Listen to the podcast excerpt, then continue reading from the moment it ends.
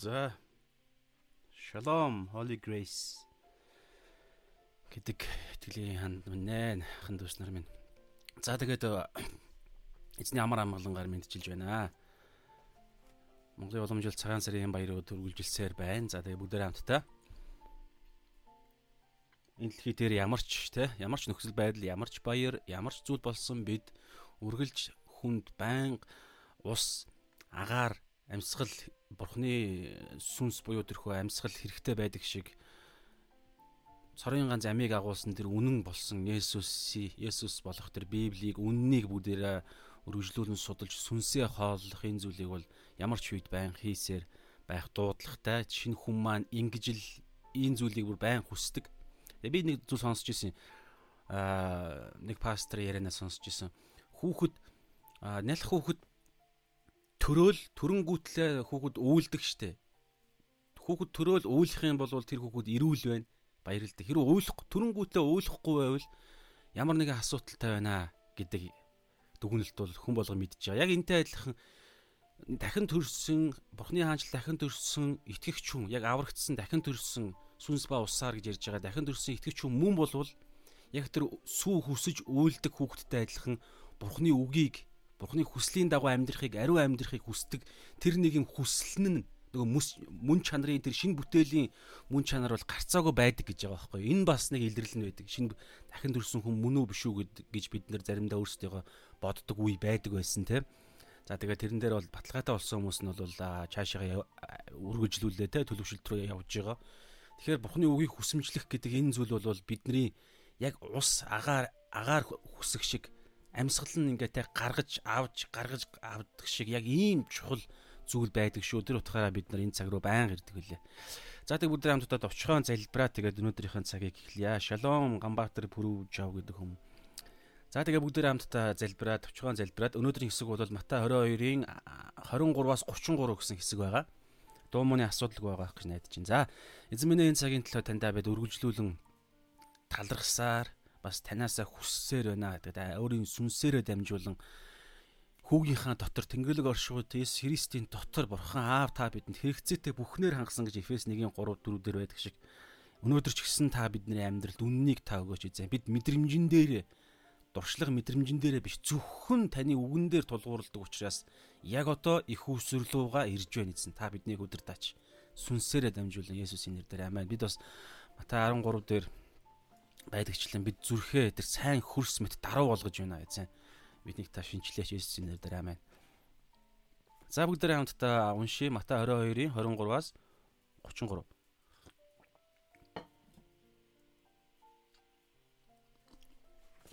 За уучлаарай. За амиллын тухай асуусан садукчуудын Есүсээс асуусан асуулт байна өнөөдөр. За тэгээ уншлаа.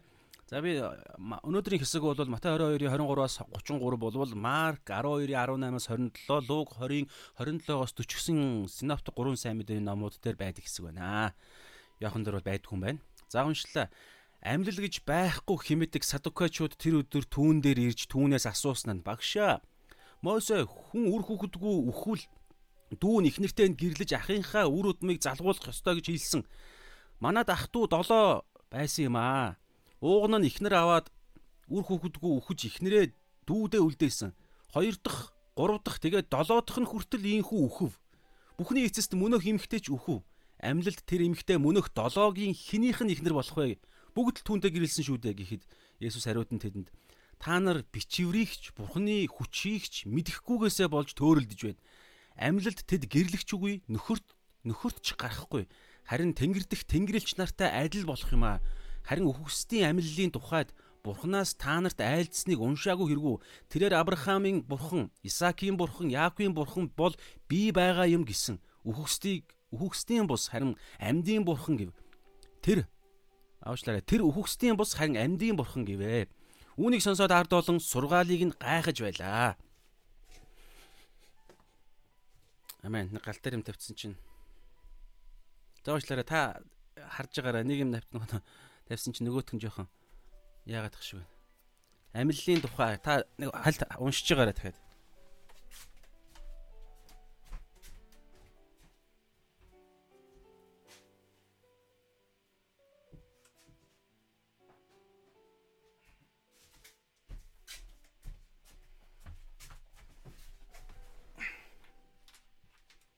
За.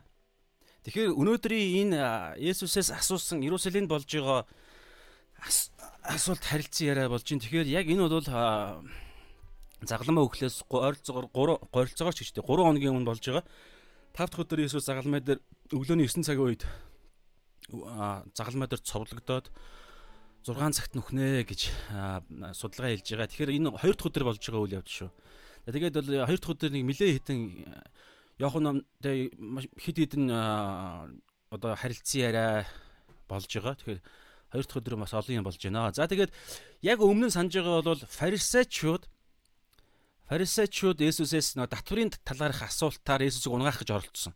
Есүс тэнд нь унах байтугай тэд нарыг те гол зорилгыг нь няцаагаа тэгээ чаашлаад бурхны ямиг бурханд Цезар ямиг Цезарт тэгээд бүр сургаал цаана дамжиж те эзэн дагалдагч нартаа заасан. Өнөөдөр бас а бас юм болж байна. Гэтэ өнөөдөр бол садукачуд ирж байна. За тэгэхээр садукачуд асуулт асууж байгаа байхгүй. Тэгэхээр энэ дээр нэг асуулт гэдэг дээр нэг ганцхан юм яриад байгаа. Юу гэхээр ер нь бол хараа итгэгч нар бид бүгдээрээ мэдж байгаа асуулт асууна гэдэг бол маш чухал. Маш чухал, маш сайн. Зөвхөн итгэгч нар Библи дээр ч биш. Альва боловсрол ямиг сурахад бол асуулт асууж ийж тухайн зүйлийн утга учирыг нь ойлгож энэ дотроо яг тэр нөгөө тогтолцоог нь ойлгосноороо бид өөрсдийн тогтолцоо бодлын тогтолцоотойгоо ингэж оруулдаг. Учир зүгийг те юмыг ойлгосноор. Тэгвэл шууд чэйжлэх ч юм уу, сохроор чэйжлэх ч юм уу тиймэрхүү биш. Асуулт асуугаад арга өөртөө боломжтой аргаар ингэж те өөрийн бодолдоо ингэж хөрвүүлж ингэж нэвчиж оруулдаг. Тэгэхээр асуулт гэдэг бол маш чухал. Гэтэл Садукошуудын асуулт асуусан зорилго бол өөр байгаа. За би энийг ярангаа би нэг зүйлийг танд товчхон хаваалцсан. Одоо энэ нөгөө нэг бурхны хүсэмжлөхөө групп дээр а манай бас найзууд админ хийдэг. Тэгээд энэ дэр жишээ нь манай Сеги гэдэг нэг UBDC төгссөн залуу найз залуу байдаг, манай найз байдаг. Тэгэхээр энд нэг хитэ асуулт байгаа байхгүй. Би зүгээр асуулт гэдэгт нь хамааралтай зүгээр нэг энэ удахгүй Сеги маань э, нэг цуврал нэг юм контент бэлдэж байгаа. Тэгэхээр одоо та би нэг 20 асуултыг уншия. Тэгэхээр энэ энэ асуултын дагуу та та нар бас боломжоор те юу бурхны өгсөмжлөхөөрөө хандаад энэ контентыг үзээрэй. За би нэг 20 асуултыг дуржгнуулт нь уншаадах. Тэгэхээр энэ асуулт бол бас чухал асуулт. Асуултын ямар чухлыг нь би жоохон мэдрүүлэх гээд байхгүй. За би уншлаа. Арих дар суух талаар Библи юу гэж хэлдэг вэ? Христэд итгэгчид арих дар суух нь гим нүгэл мөн үү? Асуулт байгааз маш чухал асуулт. Хоёр ижил хүснүүдийн талаар Библи юу гэж хэлдэг вэ? Энэ нь нүгэл үү? Библи шивээсний талаар юу гэж хэлдэг вэ? Нэгэнд аврагдсан бол бүрэн аврагдсан гэсэн үг үү? Аврал алдагдахгүй гэдэг нь Библийн дагуу юу? Христэд итгэгч хүн авралаа алдах боломжтой юу? Энэ асуултууд чинь дандаа нөгөө нэг урдчилсан бэлтгэлүүд байхгүй юу? Ямар нэгэн байдлаар бузар муу биднийг мэхлэхээс наан бид ингэж асуулт асууж Библиэд тэр асуултын дагуу судалж бурхантайгаа харилцаж үннийг бид өөрсдийнхөө дотор оруулна гэсэн санаа. Нэгэнд аврагдсан уншсан те 5 гар хангалах хийх нь Библийн дагуу нүгэл мөн үү? Үндэстэн хоорондын гэрлэлтийн талаар Библи юу гэж хэлдэг вэ? Каины ихнэр хэн байсан бэ? Амиа хорлолтын талаар Христ итгэл, Христ итгэлт үзэл бодол юу вэ? Амиа хорлох талаар Библи юу гэж хэлдэг вэ? Амиа югүйтгдэг итгэгчдийн тухайд юу хэлэх вэ? Амьтад Тэнгэрийн улсад очих болов амьтад амьтдад сүнс байгаа юу?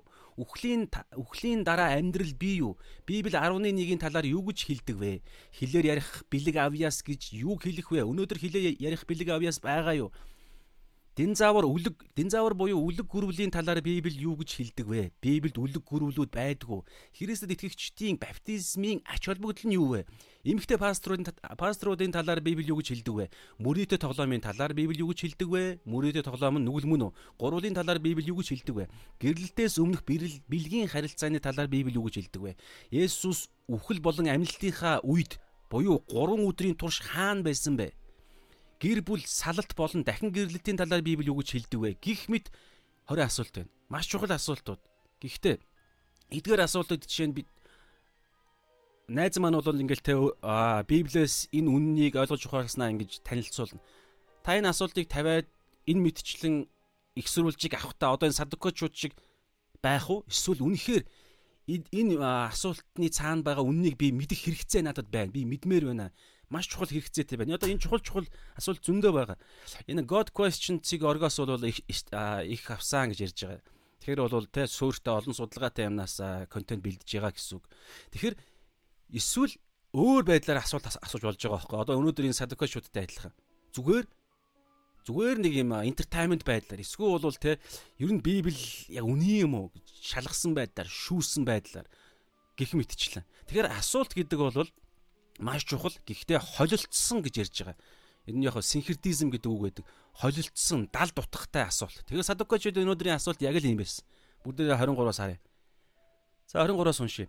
Амьлал гэж байхгүй химээдэг садукачууд тэр өдөр түүн дээр ирж хоёр дахь өдөр гэсэн үг те түүн дээр ирж түүнээс асуусан нь 24 багшаа За багшаа гэж эхэлж байна. Эндээс тэгэл нөгөө нэг цаана байгаа юм мэдрэгдэж байгааз.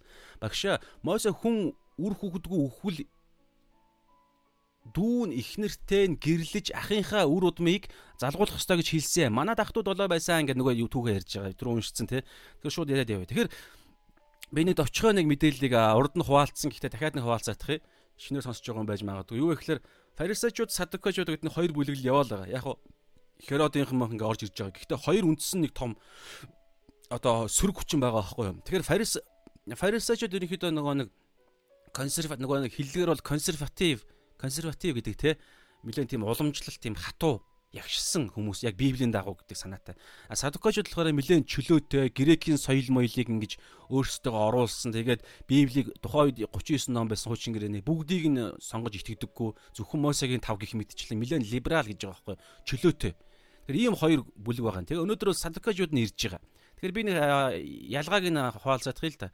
Фарисеучуд бол ерөнхийдөө хуучин гэрээний хуучин гэрээний асуулт хуучин гэрээнд бүгдд нь итгэдэг. Би яга фарисеучдыг фарисеучдыг бас өнөөдрийн бичээст байхгүй байхад оруулж ирж байгаа гэхээр харах юм бол ингээд садокочуд асуултаа аваад сүүлийн 33 дугаар ишлэлийг уншил та. Үүнийг сонсоод ард олон сургаалыг гайхаж байлаа гэд.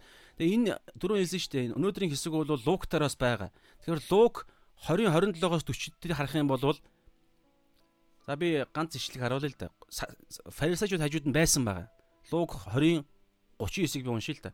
Хуулийн багш нар зарим нь багшаа та сайхан хэллээ. 38-аас тиймээс үхсдийг бус тий харин ингээд бурхан Есүс ингээд нөө хэлхүүгээ хэлсэн. Тэгсэн чинь үүнийг сонсоод садукачууд яваад өгсөн. А харин фарисеучуд сонсч исэн байгаа байхгүй. Тэгээд яагаад энийг ярьж байгаа гэхээр бидний өнөөдөр өнөөдрийн энэ үсгээс чаашлаад яах вэ гэхээр фарисеучуд одоо нөгөө нэг Матай 23 дахь бүлэг алдартай бүлэг байгаа шүү дээ. Фарисеучудыг цуврал золгүйе золгүйе золгүйе гэдэг цуврал юм ярина. Тэгэхээр энэний шилжилт одоо хийгдэж байгаа байхгүй юу? Садукочуудыг Есүс дугаа болгоод тэ асуултанд нь хариулаад тэд нар явсан. Залгаад одоо фарисеучуд орж иж байгаа байхгүй Есүсийг сорих гэж оролдоно. Аа тэгээд тэгхтээ өнөөдрийн луг дээр бол та дарах юм бол тэ хуулийн багш нар гэдэг чинь зөвхөн фарисеучуд байхгүй Садукочуд бол тахилч нар, хуулийн багш нар бол ерөнхийдөө бол фарисеучуд. Бүх фарисеучуд хуулийн багш нар байгаад байгаа байхгүй. Гэхдээ бүх хуулийн багш нар фарисей байх албагүй гэсэн иймэрхүү харилцаа байгаад байгаа. За тэгэхээр багшаа та сайхан хэллээ. Яагаад вэ гэхээр нөгөө нэг хоорондоо зөрөлдөг хоёр байхгүй. Тэгээ би энийг харуулах гэдэг. Садукочуудын тал эсрэг садукочуудыг Есүс ингээд ялцсан тэ асуусан асуултыг ингээд хариулаад тэд нарыг мад тавьчихсан чинь фарисеучуд тэ та сайхан хэллээ гэж тэгж байгаа байхгүй. Яг энэ харилцаа бас нэг Паул яг энэ харилцааг ашигла. Яг иймэрхүү нэг юм болдог. Би нэг хальт уншуулъя танд. Харуулъя нөгөө нэг могоомит мэрэгэн ухаан гэдэг бас хаанчлалын охид өгүүдэд бас байдаг шүү. Альва зүйлийг, альва сүнсийг ялгах, цаг хугацааг ялгах чадвар, нөхцөл байдлыг таньж мэдэх чадвар. Тэгэхээр энэ Үлс 23-ын 1-ээс 11 дээр нэг юм болж байгаа. Аа би уншия. Маш чухал гоё сонирхолтой хэсэг. Үлс 23-ын 1-ээс 11. Паул энэ Иерусалимд болж байгаа утахгүй Ром руу юу явна. Ром руу одоо нөгөө нэг сүүлчийнхаа дөрөв дэх аялал нь буюу шорон хоригдоод Ромд шоронд хоригдохоор Ром руу явна. Тэнд одоо шүүгдэх хэрэгсв. Тэрнээс наан Иерусалимд бас шүүгдэж байгаа байхгүй нөгөө нэг нутаг нэгтнүүд нэгтнүүдийнхээ өмнө гэсэн үг. За Паул зөвлөл буюу Санхедрины өмнө анхаарал зөвлөлийг анхааралтай харан ирчүүд ахан дүүсээ энэ өдрийг хүртэл би бурхны өмнө сайн өмс чанартай амьдарч ирлээ. Тэгтэл тэрүүн тахилч Анания нөгөө садукачуд Анания дэрэгдэн зогсоод амыг нь алгад гэж тушаав. Та санаж байгаа бол Есүсийг яг ингэсэн. Гурван Израилийн еврейг гурван шүүхийн эхнийх нь Ананиагийн герт нь очдог. Гэтэл Ананиагийн эсрэг Есүс аа тэ үнний үнэтэй хамааралт юу шудраг байдлын талаар нэг үг хэлэхэд хажууд нь байгаа цэрэг нь юу харуулна Есүсийг алгаддаг, зөгтөг нүүрлүүн. Одоо энэ хоёр дээр яг Паулыг бас ингэж байгааз. Тэгтэл тэрүүн дахилж Анания дэрэгдэн зогсогчдод амийг нь алгад гэж тушаав. Тэгэхэд Паул түүнд цагаанаар будагдсан хан чамайг бурхан зохиндоо. Есүс ингэж хэлээгүй шүү дээ. Паул бол шууд хэлж те. Чи намайг хуулийн дагуу шүүх гэж сууж буу атлаа. Намайг жанчхыг тушааснараа хуулийг зөрчиж байгаа хэрэг босуу. Тэгэхээр дуудлагууд ялгаатай шүү.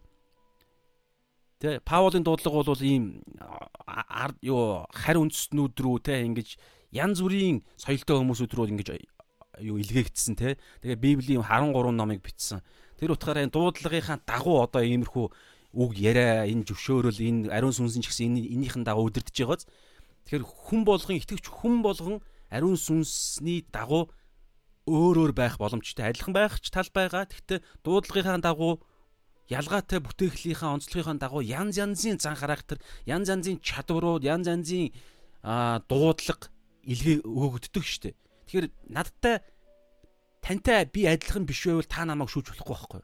Яг тэгэхээр намайг ариун сүнс яг л ингэж дуудсан. Ийм талбараар илгээгдсэн. Яг тэгэхээр энэ ертөнцийн чи өөрөө асар олон төрлийн талбарууд байгаа. Сатан янз бүрийн талбарууд дээр олон хүмүүсүүдийг боолчилсан байгаа. Тэгэхээр тэр олон хүмүүсүүд рүү очих яг тохирсон тохирсон дуудлагатай зан характертай хүмүүс байгаад байгаа байхгүй. Тийм учраас итгэж бид нар нэг зүйл дээр бас заримдаа бүдрдэг юм шиг анзаардаг. Тэрний юу гэхээр миний оюун ухаанд л энэ хүн нэгцэхгүй бол миний ойлгохгүй миний тэ нөгөө ёс суртахууны стандарт Библиэс гажаагүй мөртлөө Библийн дагуу мөртлөө таныхаас зөржий бол баг баг шүүх гээд ингээд иймэрхүү. Энэ бол маш аюултай байгаад байгаа байхгүй. Ялгаатай ялгаатай байдлаар эзэн ариун сүнс ашиглаж байгаа, хуваарлж байгаа өөрөөсөө. Эзэн нь учраас. Тийм учраас харах юм бол Есүс бол тухайн үед тэ юм яриаггүй айхтар муухай үг хэлээгүй мэдээж зэрэг харуултаа бас харилцдаг. Тэгэхээр Паул бол шууд хэлж байгаас те цагаанаар бодогдсон хан чамайг бурхан зохиндоо чи намайг хуулийн дагуу шүүх гэж сууж буй атлаа намайг занчхыг тушааснараа хуулийг зөрчиж байгаа хэрэг босуу гэхэд тэнд байгсад бурхны тэргүүн дахилчиг чи доромжилно уу гэлээ. Паул ах トゥ нараа би түүнийг тэргүүн дахилж гэж мэдсэнгүү. Тэгээс явуулж гин ард түмнийхээ өдөрдөгчийг бүү муул гэж бичигдсэн байдаг гэв. Тэгээд Паул нэг хэсэг одоо нөгөө нөгөө хэлэх гээд байгаа санаа. Тэгээд Паул нэг хэсэг нь садукачууд нөгөө нөгөө нь фарисеучуд болохыг ажиглаад ер нь ардаа санхедрийн 71 үний бүрэлдэхүүнтэй тэр санхедрийн өдөрдох зөвлөл за одоо шүүх гэдэг юм уу тэрний дийлэн их нь садукачуд байгаа даа байхгүй цөөнх нь фарисеучуд гэхдээ ингээ холилдсон.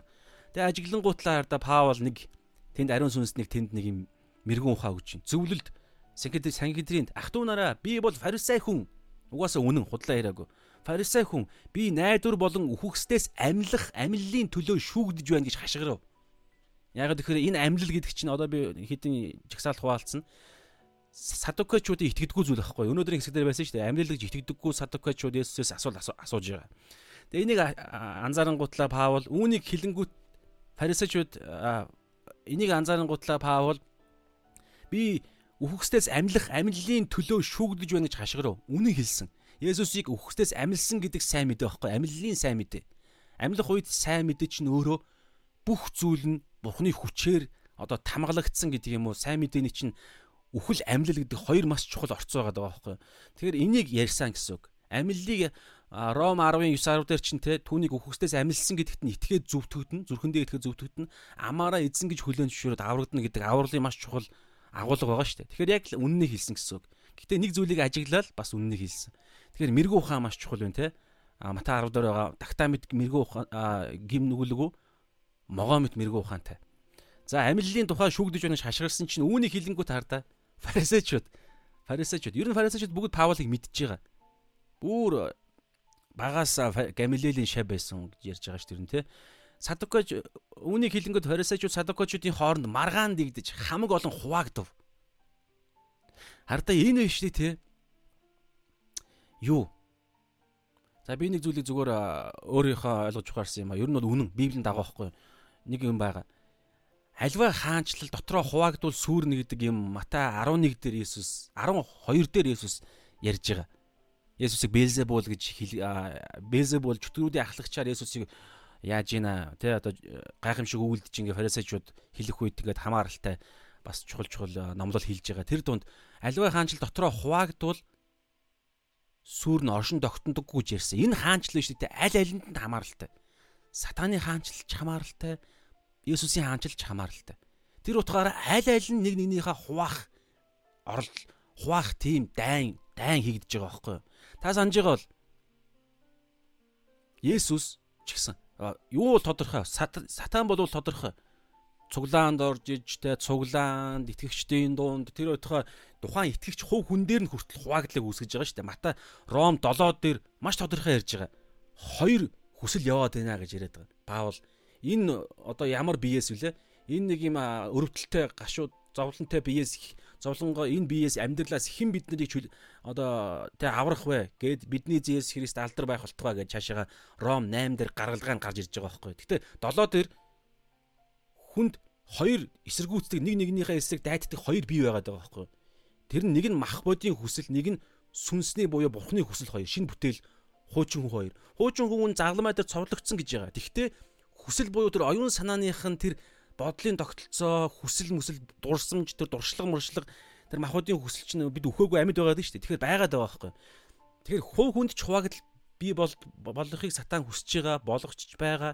Тэр утгаараа бид байнга сүнсээр явж ижил махуудын хүслийг өхүүлдэг гэж байгаа шүү дээ. Нэг нэгний эсэргүүцдэг гэж Паул хэлж байгаа. Паулын загтлууд дээр. Тэгээ хуу өндөр чи ингэн тэрнээс гадна чуулган дотор ч гэсэн хувааглаг үүсгдэг. Коринтыг санаж байгаа бол те зарим нь би Аполлоных, зарим нь би а Паулынх, зарим нь Есүсийнх гэл ингээд бүгд ингээд үүсчихсэн. Ягаад тэгэхээр магадгүй зарим хүмүүсүүдийн тэр хувийнх нь онцлогт нь Аполлын номлол Апол маш мэрэгүү ухаантай маш тийм мэрэгүү ухаантай логиктой маш гайхалтай номлодог хүн байсан гэдэг байгаа байхгүй. Тэр мөрнөөс нь болонгуутлаа би Аполлын дагалдагч. Би Паул их. Өө Паул чинь юу штэ урд нь фарисей байсан. Аа ингээл хооронд нь хуваагд. Зарим би Есүс их гэл тэнгүүлтэй тэнгүүл. Аа энэ Есүс их гинэ. Аа тэгээ Есүс хаанж байгаа юм. Мэдхгүй бод ингэж хэлэхгүй л байгаа л да. Гэхдээ нэг юм хүний оролт оролцоо хүний тэрхүү нэг юм энэ дэлхий дээр байдаг нэг юм те нэг юм хуваагдл минийх чинийх эрх ашигын зөрчил энийг хүрт сатан бий болгох зорилготой угаасаа А Есүсийн хаанчлал бас адилхан байгаа даа байхгүй. Зорилго нь юу гэхээр миний санаж байгаа ишлэл би хаана байгааг санахгүй ямар ч байсан за Матай Матай дээр бол ямарчсан байгаа Матай судалж байгаа учраас судалж байгаа учраас те би ертөнцид элдийг инхийг бус элдийг авчрахаар ирсэн гэж байгаа. Матай 10 дээр байна уу да хаан ч вэ да. За 10-аас 11 хавцайл байгаас нэгдэж чинь. Та тэ хайчаар гар утсаас хэрэг өсвөл батлагыг баталгаатай мэдхийг өсвөл ямар ч байсан байгаа шүү би би энэ ертөнцид инх инхийг бус элдийг авчрахаар ирсэн. За тэгээд хамааралтай синоптик нөгөө нэг нь Лук хөнөө Марк дээр нь бусад хамааралтай хэсгийг ингээд харьцуулаад уншихаар тэр элд гэдгийн оронд би инхийг бус би хуваагдлыг авчрахаар ирсэн гэдэг үг байгаа санагдаж байгаа байхгүй. Тэгээд элд гэдэг чи өөрөө ямар нэг ямар нэг юм руу зоогдож орохдоо эсвэл завчихтаа зоогдож орсон ч гэсэн завчсан ч гэсэн дандаа хуваагдлыг бий болгодог зоолоо гэж бодоход тухайн элдний чинь тэр ирээр ороод нэг юм тодорхой тэр диаметрийнхаа хэмжээнд хуваагдлыг үүсгдэг. Ингиж хуваагдлыг үүсгэх зорилготой Есүс ирсэн гэж байгаа байхгүй. Йохан 3-ын 3 3-18-аас 20 ч гэсэн энэ санаа цаана байдаг. Юу гэхээр сайн мэдээ үннийг хэлэх хэлэх байдлаар Йохан 9-ийн 39-оос байгаа байхгүй. Би шүүлтийн төлөө ирсэн гэж байгаа. Эхнийхээ эрэлтээ ярьж байгаа. Тэрний юу гэхээр хоёр дахь эрэлтийн нөгөө нэг шууд яллахаар биш. Зүгээр аврахаар нүглийн асуудлыг шийдэхээр сайн мэдээ ингээд өгсөн чинь энэ сайн мэдээнд үзүүлж байгаа хариу үйлдэлүүд нь өөрөө хуваагдсан байдлаар хариу үйлдэл хийдгийг чөлөөт сонголтоороо тэд хуваагдаж хуваагдаад байгаа байхгүй. Энийг ярьж байгаа. Тэр утгаараа харах юм бол энэ одоо энэ тарда маш зүгээр жижигхэн нэг юм практик юм анзаарагдаж байгаа байхгүй. Зүгээр 20 өвс 23 энэ 1-ээс 11 дээр Паул Садокочуд өөрийг нь бүгд ингээл баллах гээд байгаа байхгүй. Тэгсэн тэрхэн мөчид нэг юм анзаараад хоёр хуваагдж байгаа сөрөг сөрөг хүчин байгаа анзаараад тэгэл үн худлаа юм яриаггүй. Хуурж яриаггүй. Яг үннээ ярих байдлаар нэг нь яалтчгүй Паул фарисеун байсан учраас ингээ хэлсэн чинь үүнийг хэлэнгүүд фарисеучуд садокочуудын хооронд маргаан дэгдэж хамаг олон хуваагдав сатаны хаанчлал дотроо хуваагдал бий болж байгаа мэт харагдаж байгаа байхгүй. Сатаны гар хөлн бол тухайн үедээ гар хөлн болоод а бурхны тэрхүү илгээгдсэн үний эсрэг шүүж байгаа хүмүүсүүд дотор нь хуваагдал үүсэж байгаа. Ингэсэн чинь та 8-аас хартаа. Садакочуд амьлалч тэнгэр илчж сүнсч байхгүй гэж ярьдаг байхад харин фарисеучуд энэ бүхнийг хүлээн зөвшөөрдөг байдлаа ажгуу. За 9 их шуугаан дигдэж фарисеучу фарисеийн талын хуулийн багш нар босож ширүү маргалдан одоо сонсоорой. Паулын талд орно. Энэ хүнд ямар ч буруу алга. Амар сонирхолтой байгаа. Өөрсдийнх нь талд орсон чинь ер нь иймэрхүү байхгүй юу? Ер нь энэ дэлхийн ертөнцийн үнэн гэдэг чинь маш субъектив байгаад байгаа байхгүй юу?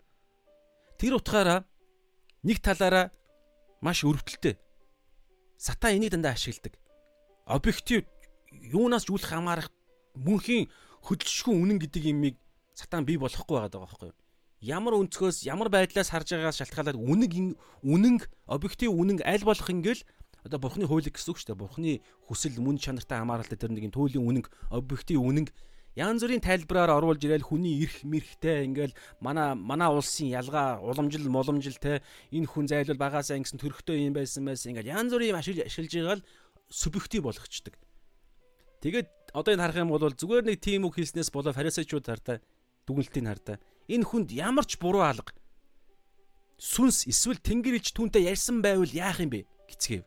За энэ энэний нэг үр дагавар нэг сайхан юм болж байгаа. Сайн ингэж зүгээр таатай юм болж байгааг анзаарэгдэж байна. Маргаан ширүүсэж эхэлсэнд Паулыг тастчихвээ химэн мянгатын дарга Роми мянгатын дарга айхтаа тэднийг дунд нь тэдний дунд орж түүнийг Паулыг салгаж аваад хуаранд аваачихыг цэргүүдтэй тушаав. Одоо хамгаалтанд авч байна Ромууд. Тэгээ эндээс цаашаага үүдэд үүдэд ингээд Ром руу илгээгдэж байгаа шүү дээ. Явж байгаа. Гэтэл дараах шүн хардаа эзэн Паулын дэргэд зогсон зоригтой байх тун чи яга хуваагдал үүсгэх тахын гэж хэлээгүй байгааз зоригтой байх тун. Үнний дагуу явж байгаа шүү. Гэхдээ мэрэгүү ухаандаа тэнд юм хийж байна. Зоригтой байх тун. Учир нь чи намайг Иерусалимд яаж гэрчилснийхээ адилаар саяны болсон үйл явдал те зөвхөн тэр нь биш шүү дээ. Яг юм зоригтой бүр ингээд юу айх биш. Бүр шууд цөмөлж орж хуваагдлыг үүсгээд үнэн хуваад хуваагдлыг үүсгэдэг шүү дээ. Йохан 3 дээр гэрэл ирэхэд хоёр юм хуваагдж байгаа байхгүй. Зарим нь гэрлийг үзий ядж байгаа, зарим нь гэрэлт гарч ирж байгаа. Зүгээр гэрэлтхэн л өөрөө альва газар хувааглыг үүсгэж байгаа байхгүй. Тэгэхээр бидний үүрэг чинь зүгээр Йохан 15 дээр байгаачлан усан үзмнийхээ модтойгоо л модтойгоо л холбоос холбоотой байх буюу түүний үг ба сүнсээр нь үнний дагуу л сүнсээр хөтлөгдөөл явж их. Гэтэл болдог юм цаанаа болдгоороо болж байна. Тэр нь зүгээр энэ одоо байгалийн тогтолцоо гэдэг юм уу сүнслэг ертөнцийн тогтолцоогоор болно. Бид тэрийг заавал ингэ санаа зовох шаардлага байгаа байхгүй. Гол юм аа л хийгээ явж идэл. Тэгээ зоригтой байхад Иерусалимд яаж гэрчсэний адил Ромд ч мөн гэрчлэх ёстой гэлээ гэж байгаа. Тэгээ энийг яагаад ярьж байгаа гэхээр фарисеучуд садукачуудын нэг юм ялгааг энд бас оруулж ирж ирүүлэхийг хүслээ. Тэгэнгүүтлээ би нэг хідэн юу жагсаалт хэлье. Фарисеучуд болохоор хуучин гэрээний 39 номд бүгдэнд нь итгэдэг. Фарисе гэдэг үг нь болохоор тусгаарлагдсан гэдэг үг. Есүс ойролцоогоор 160 орчим жилийн өмнө Макабийн бослогын үед гарч ирсэн хүмүүсүүд зөвхөн Библийн дагуу гэдэг а зорилгоор Библийн дагуу тусгаарлагдсан хүмүүс гэж үг нь гарч ирсэн. Гэхдээ дунд нь сүулдэ тэд нэр завхарсан. За тэгээд тоор тэд нар болохоор тоороо дээр Мосегийн 5 ном дээр нэмээд Ахмадын уламжил гэж байгаа Мишна гэд тоорог тайлбарлсан тайлбар комментари гэсэн үг тайлбар а бүтээлүүдийг номуудыг ч гэсэн энэ тэргуунд Библиэд энэ тэнцүү эрх мэдэлтэй гэж үздэг. Эндээс асуудал гараад ирж байгаа байхгүй. Энэ дунд янз бүр юм оруулсан. Амралтын өдрийн хууль мөл гэдэг. Хелленис хелленизмыг эсэргүүцдэг буюу грекийн соёлыг эсэргүүцдэг. За би харьцуулъя явчих. Хуучин гэрээнд итгэдэг. Гэтэл садукачууд зөвхөн ихний Мосегийн 5 номд итгэдэг. Тэгээ итгэх итгэхдээ зүгээр нэг юм юу байдлаар зүгээр энэ шууд бодтой логик байдлаар учир шалтгаан яг бодтой л итгэнэ яг наа нь илэрж байгаа. Цааш нь ингэж те сүнслэг байдлаар ерөөсөө тэд нар тайлдаггүй. Тоорог тий тоорог болохоор хадмал утгаарна. Шууд энэ дээр юу гэж юм тэгнэ. Цаана нуугаа тэр нэг юм сүнслэг тэ тэр амьд утгыг юм биш. За хеленизмыг дэмждэг грекүүдтэй грекүүдийг дэмждэг Ромын гар хүлэн болсон хүмүүсүүд Ромын тал واخгүй юу. Тэр утгаараа Ромчууд садукачуудаас л эргүүн тахилж а тавьж байгаараа гэж хэлсэн байдаг. Гэхдээ ер нь бол Самуэль номон дээр ингэ садукачууд хаанаас үүдэлтэй вэ гэж судалсан чинь бас давч цаг баг байсан товчхон судалсан чинь Задок гээд Давид Соломоны үеийн тэргүүн нэг хүн байсан юм байна. Тэр тэргүүн тэргүүн тахилж болсон юм байна л да. Тэднээс эхэлж гарсан гинэ. Задок Задок гэдэг одоо тэдний үр удмал юм шиг байгаа. Тэгээд Задок нь Садукачууд, Задок Садукачууд, Задукачууд, Задукачууд гэдэг юм уу те гарч ирсэн. Гэхдээ тэдний зорилго бол дандаа нэг юм мөнгө санхүү. Тэгээд энэ яг библийн дагуу биш. Хувийн эрх ашигын дагуух тахилч нэг тийм анханасаа тийм хүмүүс байгаад байгаа байхгүй. Гэхдээ нэлээ өмнө гэсэн үг шүү дээ. Фарисеучудаас өмнө гэсэн үг. За гэхдээ эхнээсээ завхарсан байсан. За тэгэнгүүтлээ аа ажилчдын фарисеучуд болохоор ажилчдын ангийн төлөөлөл, ард иргэдийн төлөөлөл байгаа даа байхгүй. Тэгэнгүүтлээ юу Израилийн газар нут газар нутгийн яг нийслэл болох Иерусалимийн сүмийг сүмд нөлөөтэй нь болохоор садукачууд нөгөө нэг Ромын гар хөл болсон утга гэдэг утгаараа. Тэгээд тэрүүн дахилч нь хүртэл. А харин фарисеучуд болохоор ард иргэд нөгөө тосгод бусад тосгууд тосгодуудаар а юу орон нутгуудаар гэсэн үг байхгүй юу? Одоо өдөртөх алба хийдэг гэсэн үг. Сангидрийн гэж синагог гэдэг утгаараа явж байгаа. Яг Сангидрин гэдэг нэр байд юм бэл 20 23 үний бүрэлдэхүүнтэй. Харин Иерусалим болохоор 71 үний бүрэлдэхүүнтэй. Тэгэхээр сан орон нутгийн Сангидрин буюу синагогууд дээр фарисеучуд нэр хүнтэй гэж байгаа байхгүй. Харин садукачууд зөвхөн Иерусалимд. За тэгэнгүүтлээ мөнх фарисеучуд мөнхийн мөнхийн амьдрал ер нь хуульч хуучин гэрээнд юу байгаа бүгд нь итгэн гэсэн үг. Мөнхийн амьдрал үл харагдах сүнслэг ертөнц амьлалд итгэдэг. Харин садкочуд яаж байгаа гэхээр мөнхийн амьдрал үл харагдах сүнслэг ертөнц амьлал байхгүй гэж үздэг. Чөтгөр байхгүй, тэнгэр элч байхгүй, сүнс гэж байхгүй, амьлал гэж байхгүй гэж үздэг. гэж гэж байгаа. Гэтэ өөр нарийн ширийн байж магадгүй. Өхлийн дараах амьдралыг нэг юм сонирн байдлаар итгэдэг гэдэг нэг юм ярьж байна. Тэр нь бас сайн ойлгоогүй. За ерөнхийдөө иймэрхүү. Ард ардын ард түмний дунд синагогт түрүү ярьсан юм байна. Есүсийг ихэнх үеэс нь фарисеучуд ихнээс л Есүсийг дайснаа болгоод эсрэг нь янз бүрийн ажиллагаа хийсээр л байсан. Яагаад гэхээр Есүс их 3 жилийнхаа эхнээсээ зүгээр нэг юм шашны нэг юм одоо зүтгэлтэн мэт гарч ирсэн шүү дээ. Янз бүрийн хүмүүс тухайн үедээ байсан те. Тэр үед тэр утгаараа шашинтай нь хамааралтай те хуучин гэрээний бурхны үзэлтэй хамааралтай учраас фарисеучуудын ирэх ашиг хөндөгдөж эхэлж байгаа байхгүй. Харин садукачууд сүүл рүүгээ Есүсийг Есүсийн эсрэг фарисеучудтай нийлж эхэлсэн гэж байгаа. Нөгөө хоорондоо үзий яддаг хоёр чинь. Ягаад гэхээр сүүл рүүгээ Есүс маш 3 жилийн турш маш эрчимтэй нэр алдран түгж ирээд тэр бүр сүүл рүүгээ те одоо хамгийн сүүлд бол одоо өнөөдрийн болж байгаа үйл явдлаас 2 хоногийн өмнө Иерусалим руу сүр жавхлантай орж ирэхдээ өөрийгөө бүр Давидын хүү Хосана гэж орилж байгааг үгүйсээгүү хүлээн зөвшөөрж гарч ирсэн. Тэгээ энэ болгоныг хараа Садокоч заа баларсан. Одоо эн чинь зүгээр нэг те нэг энэ явдаг нэг номлогч хүн биш вэ? Эн чинь бүр улс төрийн яг нөгөө месиа улс төрийн энэ эргэлт хийх гээд байна. Яг та ард иргэд байн байн тийм бослог гаргаж ирсэн үе байхгүй юу? Тэр утгаараа за энэ бүр яг баларх гээд байна. Тийм учраас одоо энэ фарисеучудтай нийлж ягаад миний дайсны дайсан бол миний найз гэдэг нэг хиллэг байдаг. Энтэй биш ээ. Миний юу лээ? Дайсны дайсны дайсан бол миний найз тий зүг хэлсэн юм байна дайсны дайсан бол миний найз. Тэгэхээр Есүс Есүсийн дайсан буюу фарисеучуудыг өөрсдийнхөө найзаа гэж үзээд одоо найзаа гэж төр зүрийн хамтрал үүсгэж байгаа байхгүй. Тэр утгаараа Есүсийн эсрэг одоо хамтраад янз бүрийн юм хийж байна. За бичээ зэрэг оръё. За эдгээр би мэдээллүүдийг яагаад ярьдаг вэ гэхээр өнөөдөр бас нэг чухал нэг юм зориг өнөөдөр бас гарч ирнэ. Мэдлэг гэдэг хэсэг. Тэгэхээр мэдлэг дангаараа биш. Тэр утгаараа би ингээ аль болох одоо энэ цаг дээр болох аль болох энэ нэмэлт түүхэн мэдээллүүдийг би цуглуулахыг хичээдэг шүү.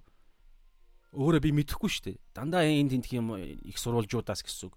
YouTube-ээс би яадаг, Google-ээс хайдаг, ном а боломж байвал ном монгол хэл дээр ном байвал үзнэ англи хэлээр гэхдээ YouTube дээр их чухалчилдаг яг тодорхой хүмүүс байдаг би бас хуваалж ирсэн те Skip Heights John MacArthur за өөр хинхэн байгаа болоо Паул ямар гэлээ пастор байгаа Sproul, RC Sproul гэдэг хүн байна. Гэх мэтчлэн Mike McAlonzi гэдэг хүн байгаа. Янз бүрийн хүмүүсүүд байгаа.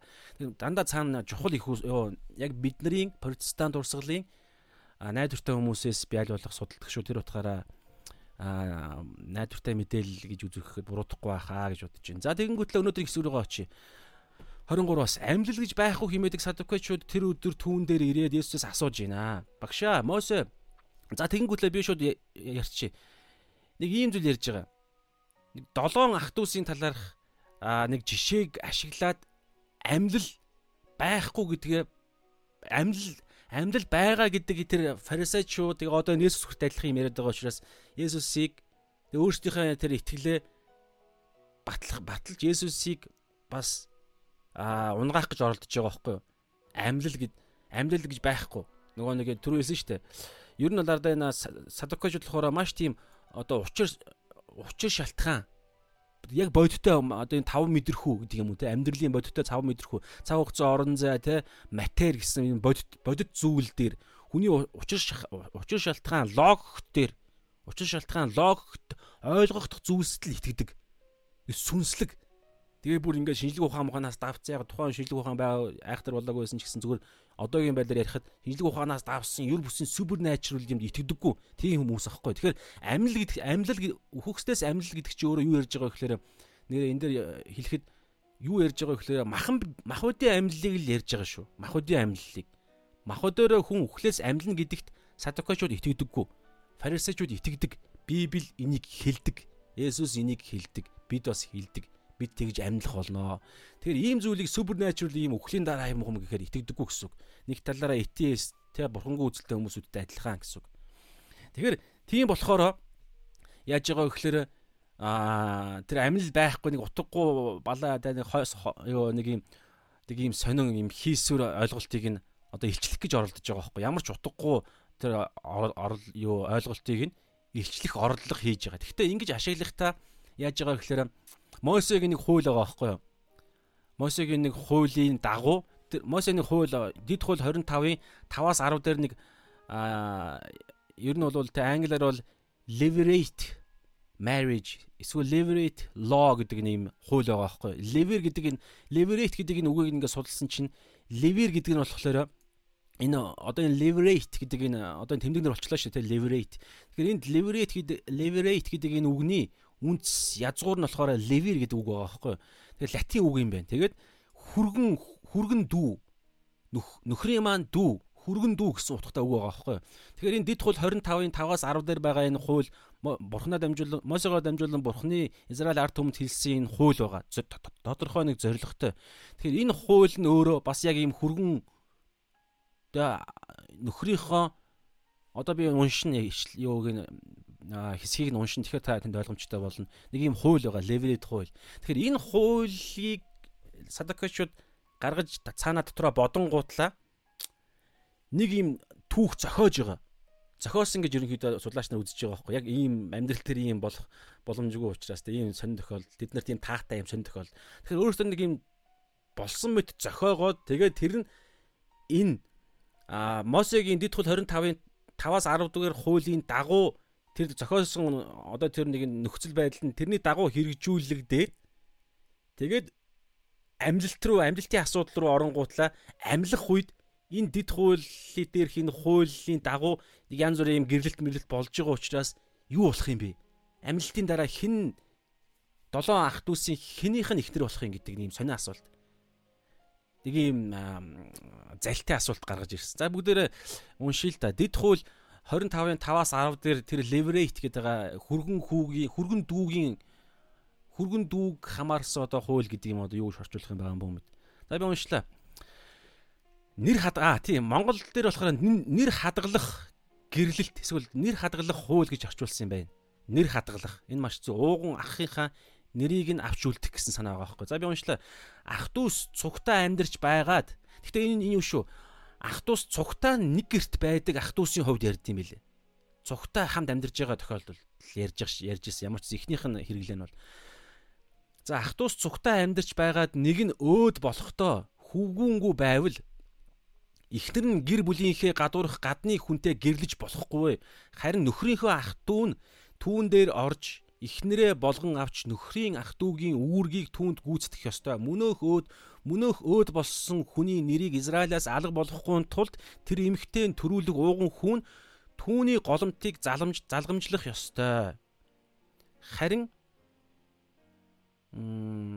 за харин хүн ах дүүгийнхээ эхнэрийг авах хүсэлгүй байвал дүүнтэй ахыгаа эхнэрийг авахгүй гэвэл хүсэлгүй байвал ах дүүгийнх нь эхнэр хотын хаалган дээр ахмадуудад очоод гэрч нарын өмнө гэсэн ахмадуудад очоод миний нөхрийн дүү Израилийн дунд ах дүүгийнхээ нэрийг нэрийг авч явхаас татгалзаж байна.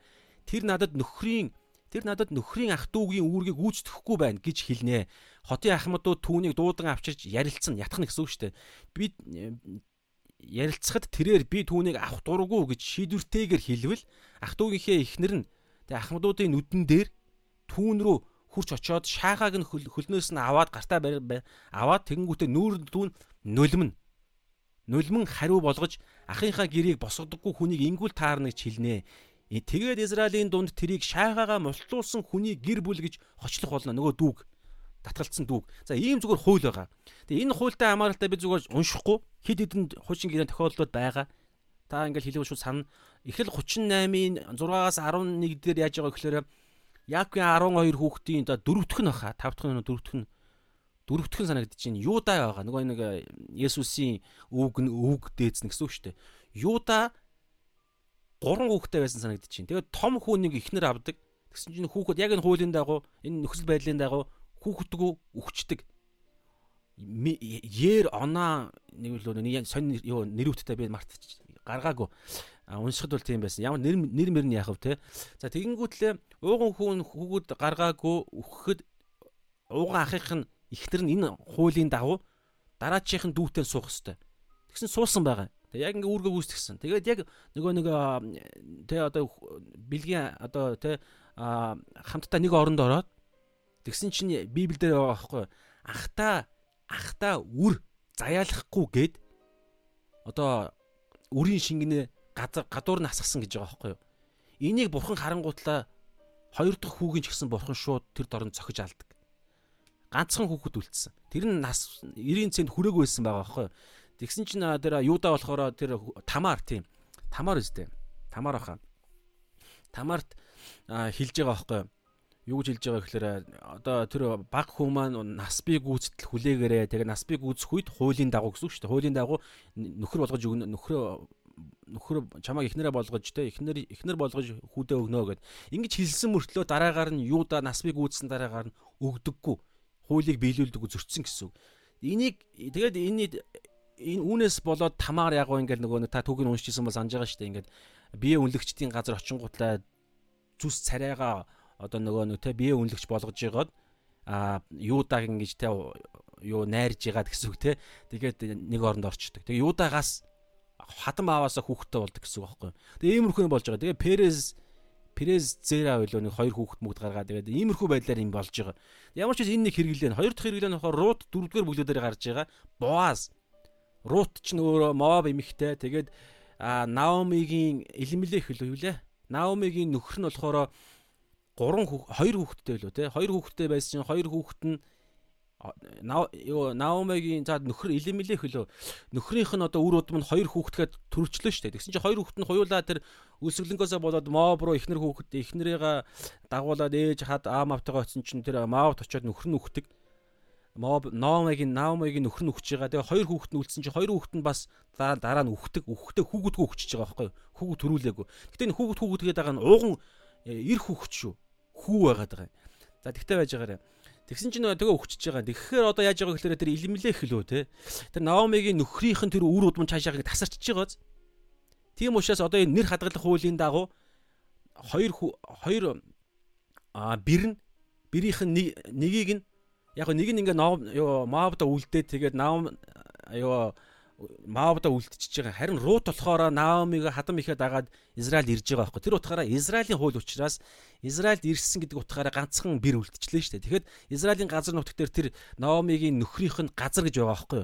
Тэр газар өвийг авч үлдэхэд тухайн газрын хууль ёсороо байсан эзэн байсан тэр нэгний хамаатнаас л авах хэрэгтэй байгаа байхгүй. Тэгсэн чинь хоёр хүүхэд нөхцөн. Тэгэхээр дараагийн хамаатан хэн бэ гэхэд нэг хүн байгаа. Нэр нь мартчихлаа тэр нэг хүн тэр хүний дараа нь бооз байгаа байхгүй юу.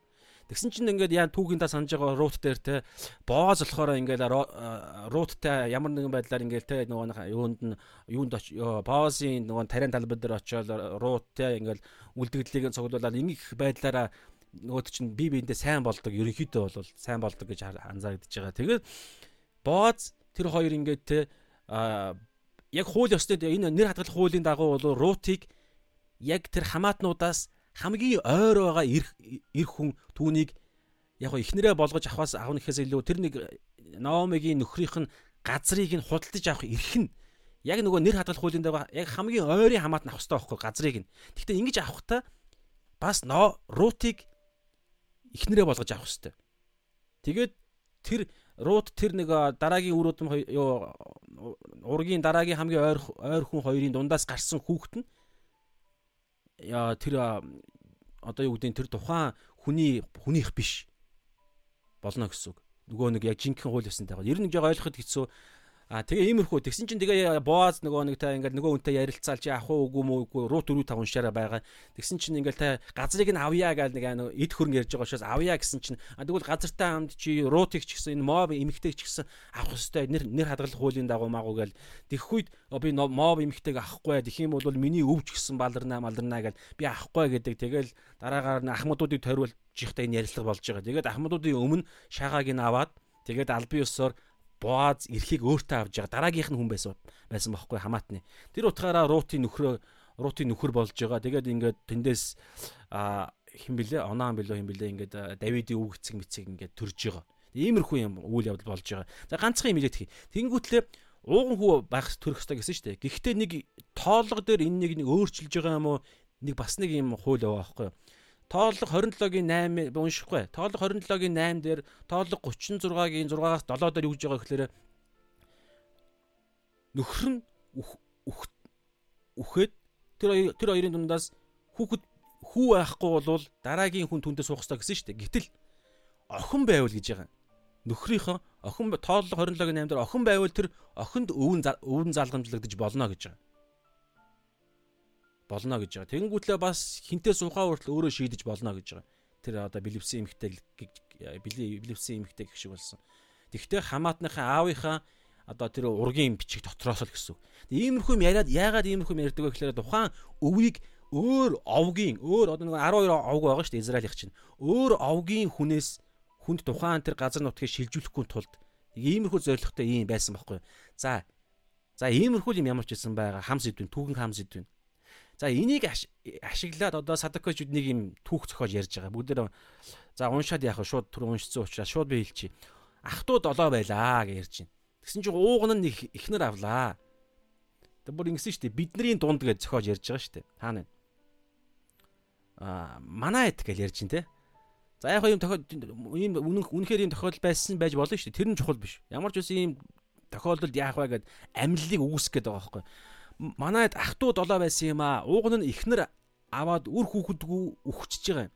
Ихнэрээ дүүдээ үлдээсэн. Энэ нэр хадгалах leverage marriage law-гийн хуулийн дагуу дүүн авлаа. 6 дахь дүүн авлаа. Тэгсэн чинь тэг ингээ өгчөж байгаа. Хүүхэдгүү бас юу лээ ууган нь ихнэрээ аваад хүүхэдгүү өгөж ихнэрээ дүүд дүүдээ үлдээсэн. 2 дахь буюу 6 дахь 5 дахь гэд ингэж явсаар бүгдээрээ өгчөж гинэ амьдрал ийм байх. За тэр нь чухал биш үү? Ийм боллоо гэхэд гэл ярьж гин гэсэн үг. За ингээд э, тэгээд долоодох нь хүртэл хамгийн бага хүн хүртэл өгчөж байгаа.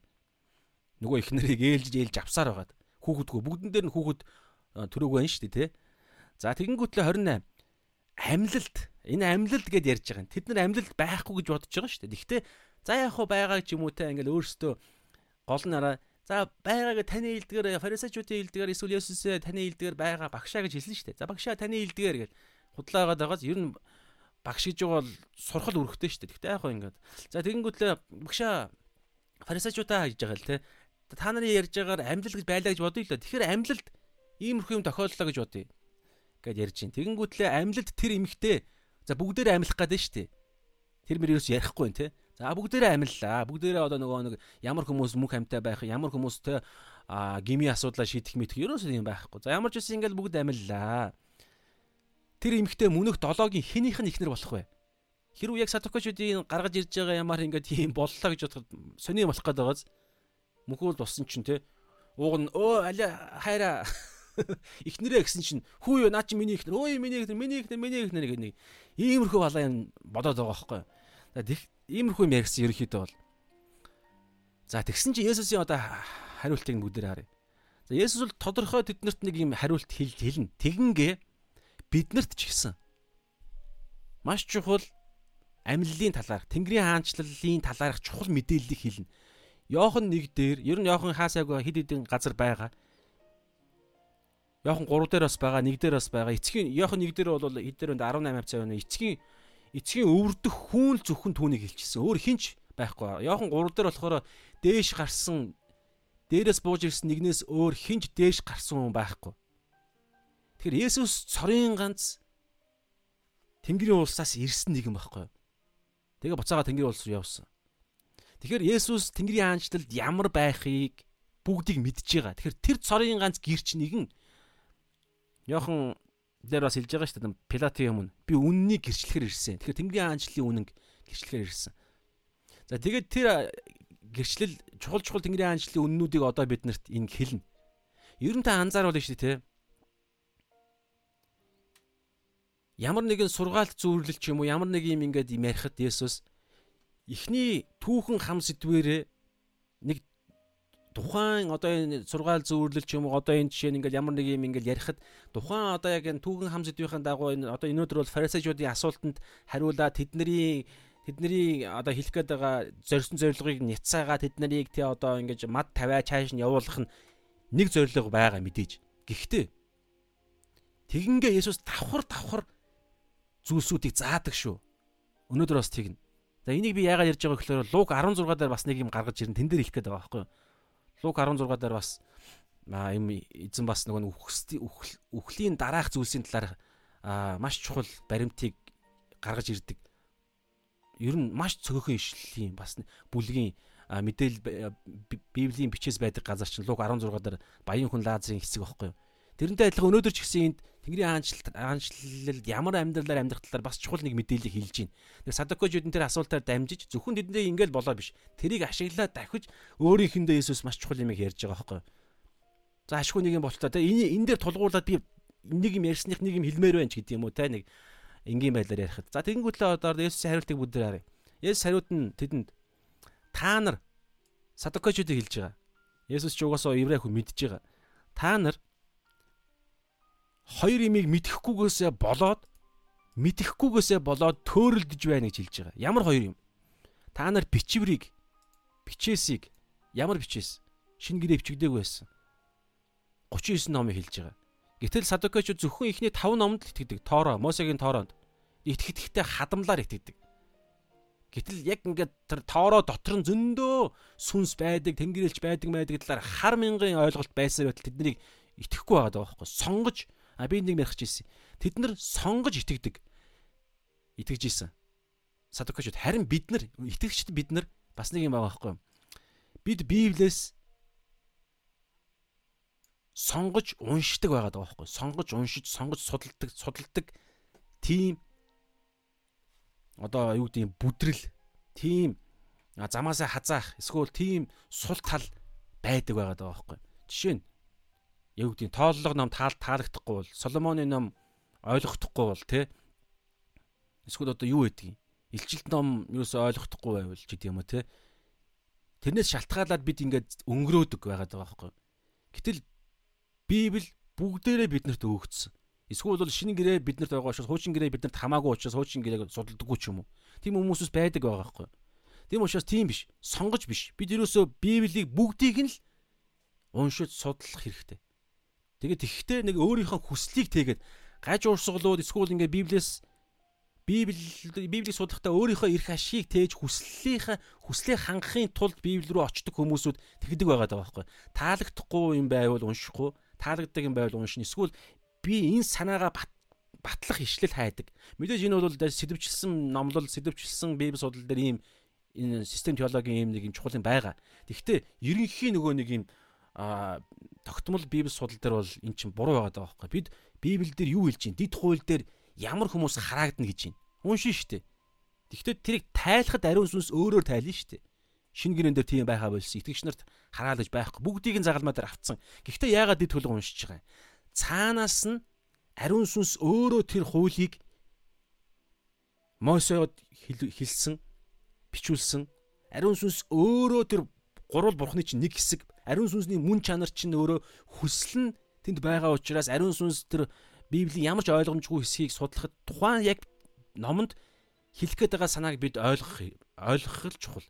Тэндээс юм хэрэгтэй байгаа байхгүй. Тэгээ бүгдийг нь гэсэн санаа сонгож биш. Сонгож уншдаг биш, сонгож итгэдэг биш. Тэр утгаараа Есүс хэлж байна. Та нар бичээс 39 ном бүгдийг нь тэгээ бичээсийг бичвэрийгч, бичвэрийг Бурхны хүчийг ч мэдэхгүйгээсээ болоо төрөлдөж байгаа. Тэгэхээр Энд нэг юм байна. Төөрөлд нөө. Энэ бол зөвхөн төөрөлт гэдэг юм байгаа. Би энд нэг хит хит юм гаргаж ирсэн. Цөл одоо энэ Исая 5:13 дээр. За би уншил та. За би тэрээс наа ихэд ерөнхийд нь яриадах юм. Мэдлэггүйгээсээ болоод мэдлэггүйгийн үр дагаварт ян зүрийн төсөн бүрийн аюулууд байгаад байгаа байхгүй мэдлэггүй байдлаас. Тэгвэл энэ мэдлэг гэдэг нь тэр утгаараа би түрүүний хэлсэнтэй янз бүрийн мэдээлэлд өгöd байгаа. Гэхдээ энэ мэдлэг гэдэг нь зөвхөн мэдээлэл, зөвхөн толгойн мэдлэг биш. Одоо энэ би удахгүй бас хуваалцсан энэ харилцаа хамааралтай байдлаар яг бурхны тэр стандартын дагуух, библийн дагуух гэсэн үг те эсвэл еврейчүүдийн гэх юм уу те тэр нэг мэдлэг нь бурхны библийн дагуух тэр стандартын дагуух мэдлэг гэдэг мэдээлэл нь бид нарыг асар олон юмнаас хамгаалдаг. Тэрэн дээр өнөөдөр садукачуудад хандах байдлаар бурхан хоёр юм ярьж байна. Библийн бичээсийг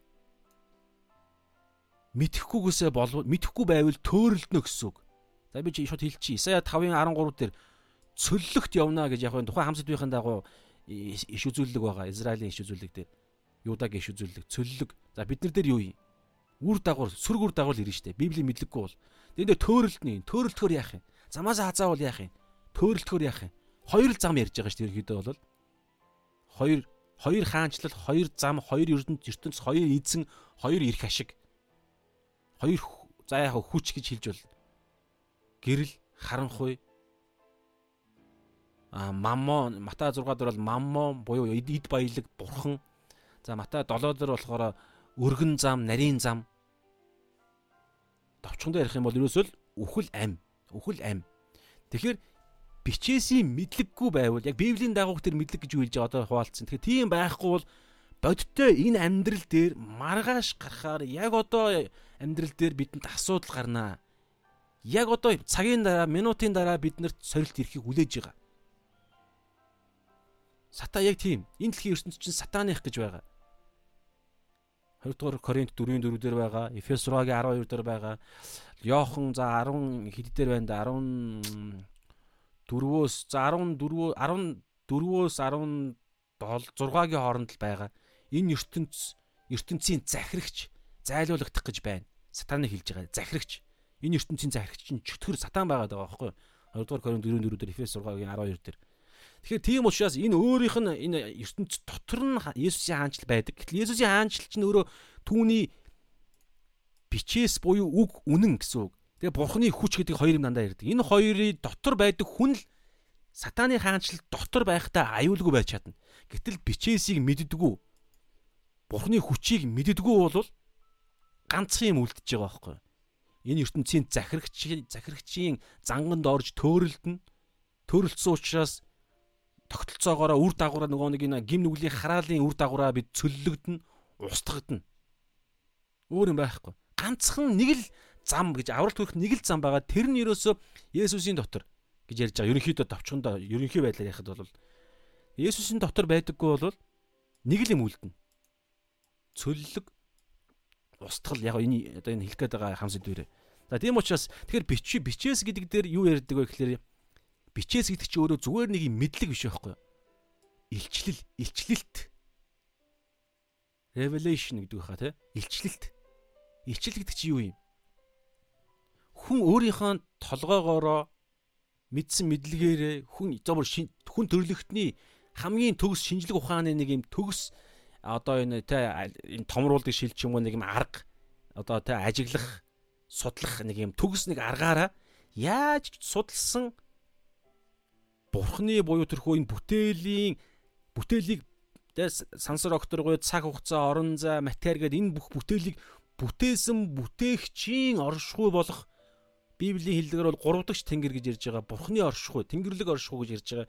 Тэнд байгаа ертөнцийн ямар ч зүйлийг мэдэх боломжгүй. Хүн өөрийн хүчээр дээшигээ ямар ч боломжгүй. Тэр утгаараа тэр Йохан 1 дээр хэлсэн, 3 дээр хэлсэн ганцхан хүн л ирээл биднэрт нэг зүйлийг өөрөө мэдгдсэн байхгүй бид судлаа биш судалсан биш. Бурхан өөрөө биднэр лөө эхэлж гараа сунгасан. Тэрийг илчлэлт гэдэг байгаа байхгүй. Илчлэгт илчлэлийг өгсөн. Библи ч өөрөө илчлэл. А шинэ гэрээний илчлэл ном гэдэг бол ирээдүйн талаарх тэрхүү мэдээллүүдийг цаг хугацааны болохоос нь өмнө үгээрээ ингэж Йоханоор дамжиж Патмарл дээр илчилсэн. Манай эртний 90-ад оны үед. Тэр утгаараа эн чинь зүгээр ихний байдлаар. Гэхдээ эн чинь ингээд альва улс үндэстний хэлээр нь текст баяг маягаар бичигдсэн байгаа. Дангаараа эн чинь хүчгүй. Дангаараа бол зүгээр л ном. Тэр утгаараа зарим хүмүүс гал төлнө. Эсвэл бол тэндээс худал хуурмаг гаргаж сатааны гар хүл болж гаж урсгалууд үүсгэнэ. Тэ? Ямар үе тэр жинхэнэ илчилт болох вэ гэхээр ариун сүнс энэ номыг бичсэн 2 дугаар Тимот 3:16. Ариун сүнс өөрөө энийг ойлгуулж, оюун санааг минь шинчилж, биднэрт сануулж, тэгээд саналсныхын дараагаар нь тэрийг хэрэгжүүлэх, сахин биелүүлэхэд тусалдаг. Йохан 14 дээр тавтан тавтан хэлж байгаа Эфес 4-ийн 23 дээр байгаа оюун санааныхаа сүнс гэж ярьж байгаа. Тэр нь бол ариун сүнстэй нэгдсэн шин бүтээлийн тэрхүү имийг төвшин гэрж байна.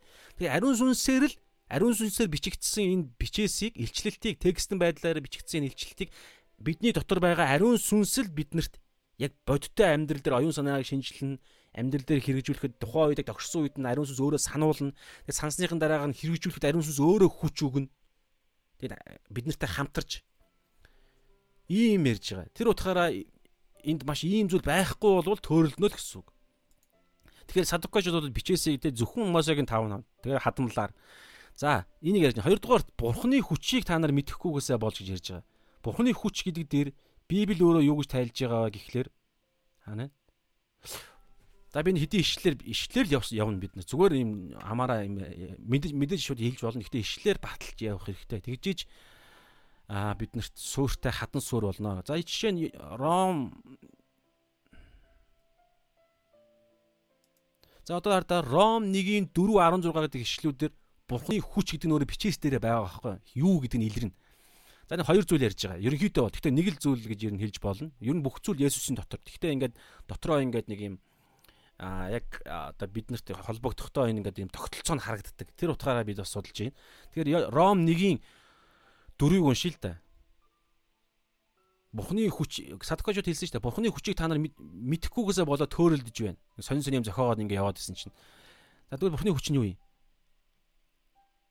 Ариун сүнсний хувьд ариун сүнсээр гэсэн үг.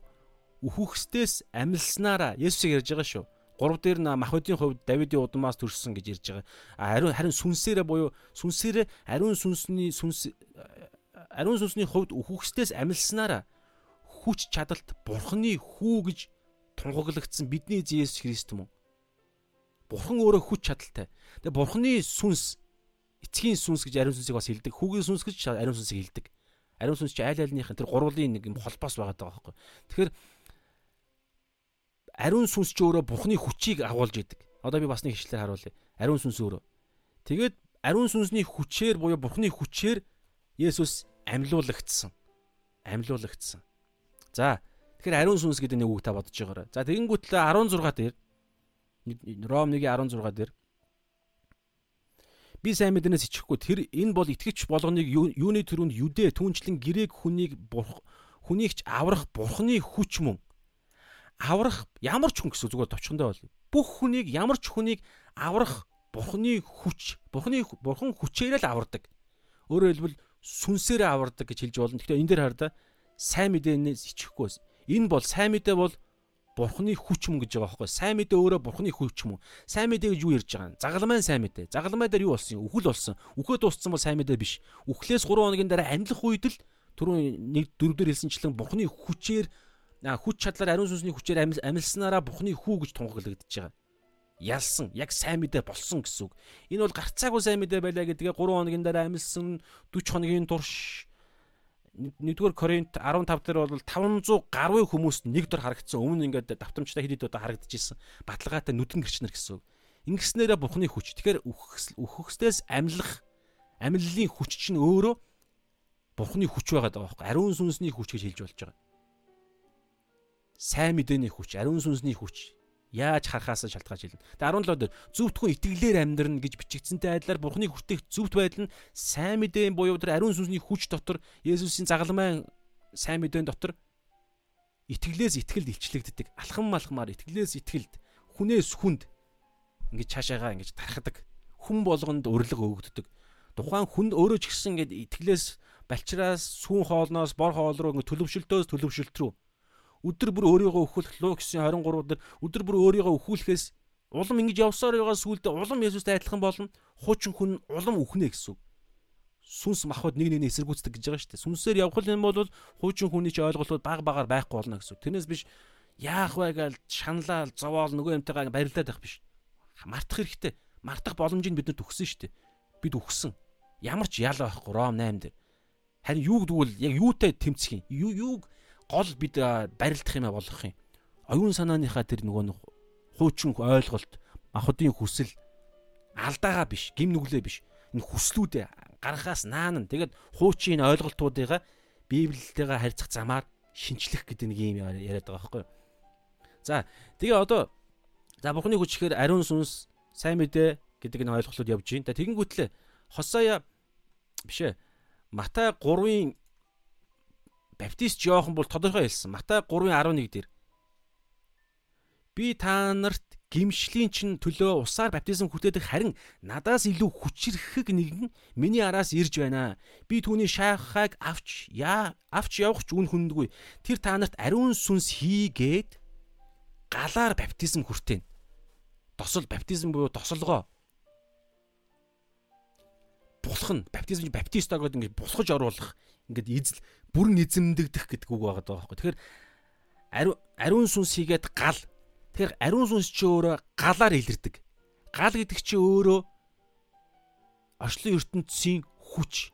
Гал байхгүй бол яах вэ гэхээр хүн амьдрч чадахгүй. Нар гэсэн үг шүү дээ. Нар байхгүй бол хүний махбод хөлднө гэсэн үг. Дотор нь байгаа эд эсүүд нь хөдөлгөөн ер нь ингээд шинжлэх ухаан ярихаар шинжлэх ухааны хүмүүс мэдж байгаа шүү дээ. Дулаан дулаан ял дулаан мах биеинд дулаан байх үед эд эс ингэж хөдөлгөөнд байдаг. Тэгээд би би хөрөх үед эд эсүүд нь үхдэг. Ямар үед би хөрөх юм? Ам ава амьгүй сүнс нь гарах үед гэсэн. Тэр сүнс чинь юу юм? Бурхны сүнс нэгдүгээр эхлэл нэг дээр амин амьсгалыг нь хамраар нь үлээж оруулаа гэж байгаа. Бурхны сүнсний Бурхны дүр төрх буюу тэгвэл сүнсний нэг юм одоо юм нэг юм хэсэг байгаад байна шүү дээ. Гэхдээ би яагаад ингэ тодорхой хэлж чадахгүй байгаа гэхээр итгэвч биш хүмүүс амьд байгаа даа шүү дээ. Тэн дээр юу ярьж байгаа гэхээр ерөнхий нэгүсэл ярьдаг. Нэгдүгээр хоёрдугаарт бурхны сүнс гэдэг чинь өөрөө сонио энэ бол арай том ойлголт.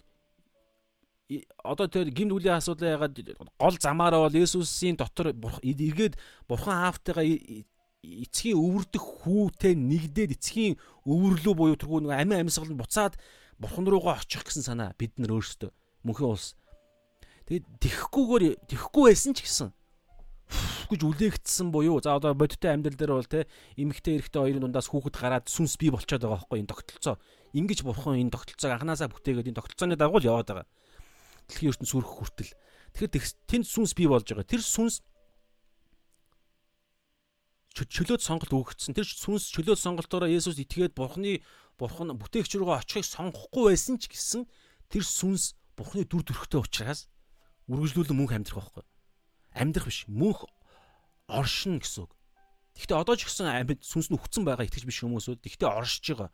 Энэ дэлхий дээр яагаад оршиж байгаа гэхээр нөгөө нь ерөнхий нэгүслэр амьдруулад байна. Яагаад гэхээр сайн мэдээнд итгүүлэхийн тулд жинхэнэ бүтээгч бүтээгч рүү очихын тулд тэгээ итгэхгүй өгснээ дараа яах юм?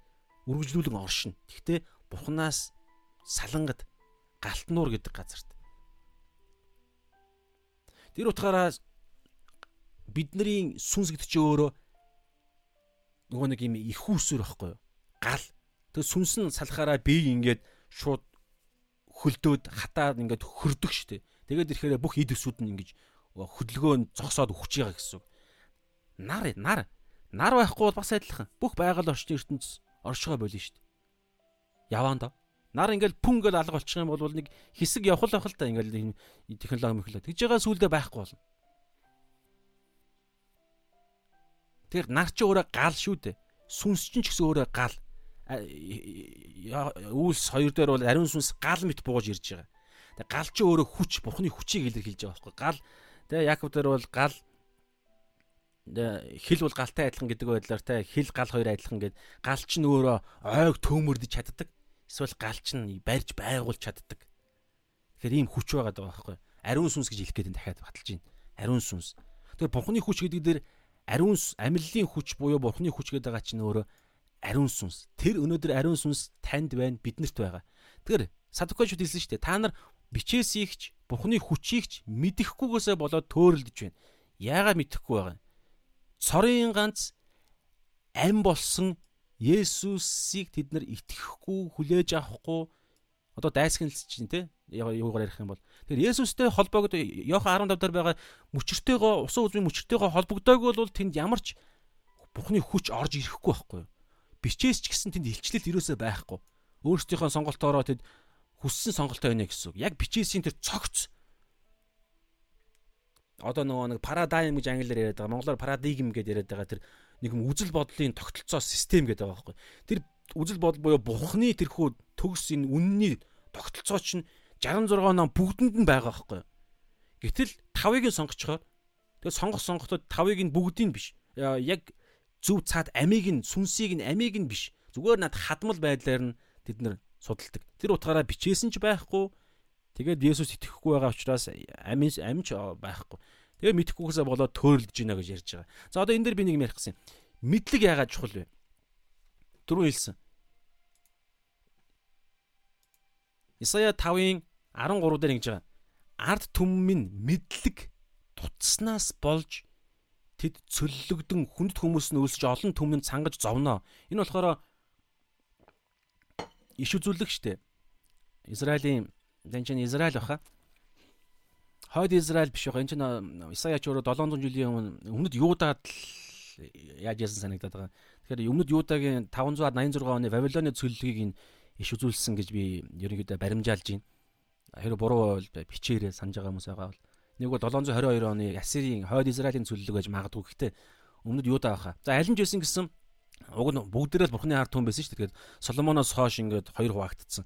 Тэгэхээр мэдлэг дуцснаас болж цөллөг яа шийтгэл яригдаж байгаа байхгүй ямар мэдлэг бурхнаа мэдэх мэдлэг байхгүй үннийг мэдэх мэдлэггүйгээсээ болоод цөллөг ярьж байна цөллөг чи өөрөө шийтгэл ял шийтгэл шүү дээ ерөөхдөө бол. За тэгэнгүүтлээ хосоё дөрвийн 6 дээр бид нөгөө байн хилдэг те. Миний ард түмэн хаана вэ?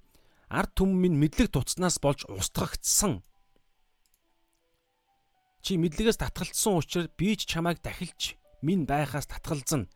Мэдлэг мэдлэг гэдэг үг ярьж байна. Устгал устгал яригддаг, цөллөг яригддаг. Тэгээд дэлхийн хүмүүс бол аль хэзээ төрөлцсөн байгаа. Үнэн мэдлэг байхгүй. Зүгээр л янз бүрийн дэлхийлэг махуудын те зөвхөн одоо юу гэдэг нь учир шалтгаан баримт нотлогооны мэдлэг гэдэг чинь өөрөө зөвхөн нэг тал байхгүй юу. Гэтэл ерөнхий бүх зүйл ч өөрөө сүнслэг, бурхан өөрөө сүнс. Энэ байгаль ертөнц чинь сүнслэг зүйл дээр сүнслэг тэр ертөнцийн хүчний хүчийн нөлөөгөөр л орж тогтнож байгаа. Хэрвээ сүнслэг колосо дээр байгаа шүү дээ. Сүнслэг ертөнц буюу бурхан өөрөө тогтоон барихаа болчихл юм бол орчлын ертөнц байхгүй болно. Та бодол та. Яагаад тэр ихтэй эмхтэй хоёр бэлгийн харилцаанд ороход яагаад тэнд ам бий болж байгаа юм? Яагаад сүнс бий болоод байгаа юм?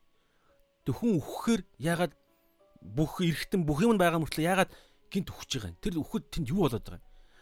Цаана бүх юм сүнс байгаа.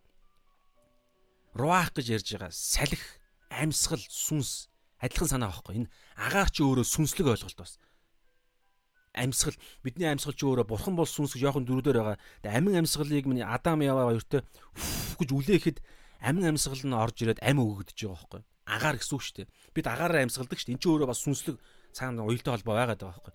Тэгэхээр бүх орчлын ертөнц бүгд сүнслэг хүчний нөлөөгөөр амьдарч байгаа.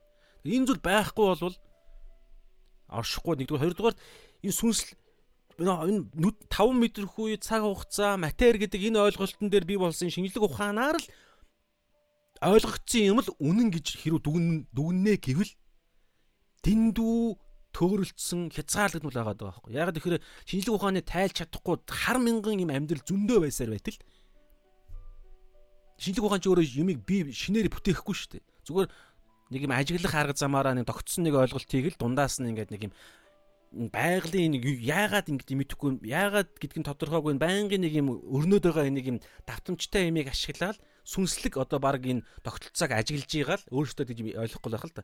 Сүнслэг тогтолцооны энэ хийж байгаа юмыг ажиглаж байгаа л дундаас нэг юм гаргаж ирэл сүнслэг тогтолцооны бий болгосон нэг юм материалыг дундаас нь ингэж гаргаж ирэл юм хийгээд байгаа байхгүй юу? Өөрөөсөө зохиогоод байгаа юм шиг. Гэтэл тийм учраас бид аа яг зөв мэдхтэй байх хэрэгтэй гэж ярьж байгаа. Тэгэнгүүтлээ Ром 10:17 дээр хардаа яагаад яагаад мэдлэг чухал вэ?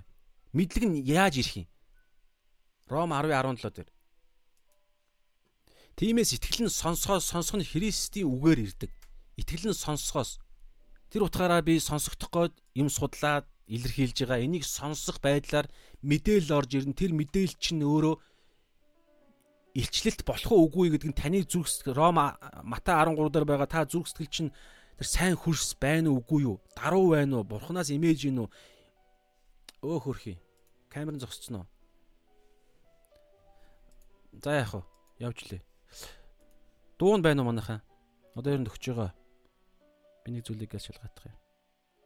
Тэгэхээр энэ бүгдээ шалтгаалж мэдлэг гэдэг зүйл чинь зайлшгүй сонс судлах хэрэгтэй. Тэгжиж ил тэндээс цаашаа дараа дараагийн зүйлсд гардаг байгаа даа байхгүй юу? За яаж байгаа юм.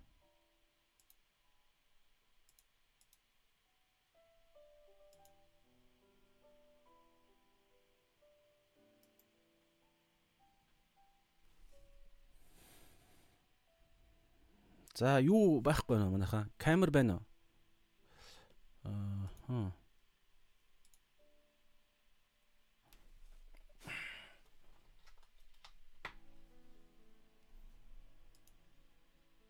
За одоо ороод ирлээ. За шүү дээ. Эзэн бурхан минь ээ та техник технологиг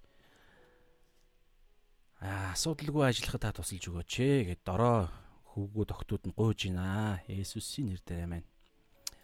За. За ингээд хөрхөн залбирчтээ. За ингээд цаашаа шууд явъя. Одоо дөгч байгаа шүү. Тэгэхээр Ром 10:17 дээр итгэл нь сонсохоос сонсох нь Христийн үгээр ирдэг. Нөгөө бичээсээр ирдэг. Гэхдээ Есүсийн үг гэдэг ойлголт. Хуучин грек ч гэсэн бид Есүсийн дотор л хардаг шүү.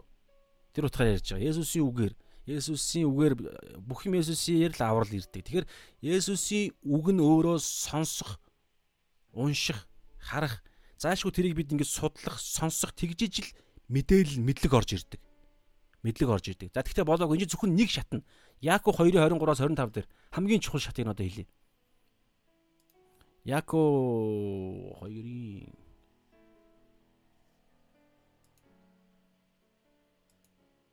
э Яков 1-ийн юм уу? За тийм байна. Нэг байна. Яков 1-ийн 20-оос 22-оос 25 юм шиг. За одоо ингэж хартай. Гэхдээ өөрсдийгөө хуурдаг зүгээр нэг сонсогчд биш. Энэ энд бид зогсолт пауз заавал хийх ёстой. Өөрсдийгөө хуурдаг зүгээр нэг сонсогчд бид байж болохгүй. Тэгэхээр тэр нь ямар ямар сонсогчд бэ гэхээр одоо хэлнэ. Харъя л да бүгд ямар сонсогчд вэ гэхээр гэхдээ өөрсдийгөө хуурдаг зүгээр нэг сонсогчд биш ээ. Үгийг хэрэгжүүлэгчд бай. Тэр зүгээр сонсдог хүмүүсүүдийг бурхан, Библи юу гэж зүүрлж байгаа вэ гэхээр яг ийм хүнтэй адилхан. Одоо та ингээд нэг юм зүүрэл хэлэхээр өө яна ямар сонин гарав гэж бодно. Гэтэ тэр хүмүүс чинь бид нар байгаад байгаа байхгүй юу? Бид нар за ингээд гацаад гэхдээ би юу дуу дуу нь явж гинэ манайхаа. Дуу хэв юм байвал явж л идэх үү. Буцаага ороод ирэх болов гэж найдаж байна. За юу вэ гэхээр учир нь одоо ингэ тайлбарлаж байна. Учир нь аа 23-аас юу нөхрөл ажиллагаа болчих юм аа. Хулгана. Энэ нөгөө нэг манай энэ USB уг нь олон оролт байгаа мөртлөө ингээд дийлдэггүй юм уу яа тээ ингээд орж гараад байгаа байхгүй юу. Техникийн асуудлаас их асуудалтай юм аа. Сүүлчлэлд техникийн мэдлэг маш чухал болоод байна шүү сүүлийн үед те. Та бүд манаас залбирж өгж байгаарэ. Мэдлэгтэй болохын төлөө. За тэгэхээр шүү дээ те. Аа. Дах,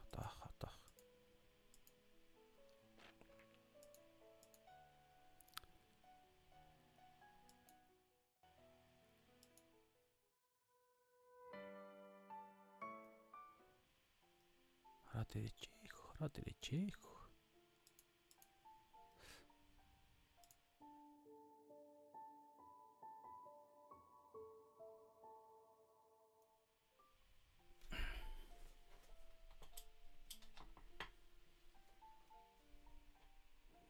За за дуу нь явж байгаа гэсэн те. Эзэн энэ цагийг сахин хамгаалах болтох бай.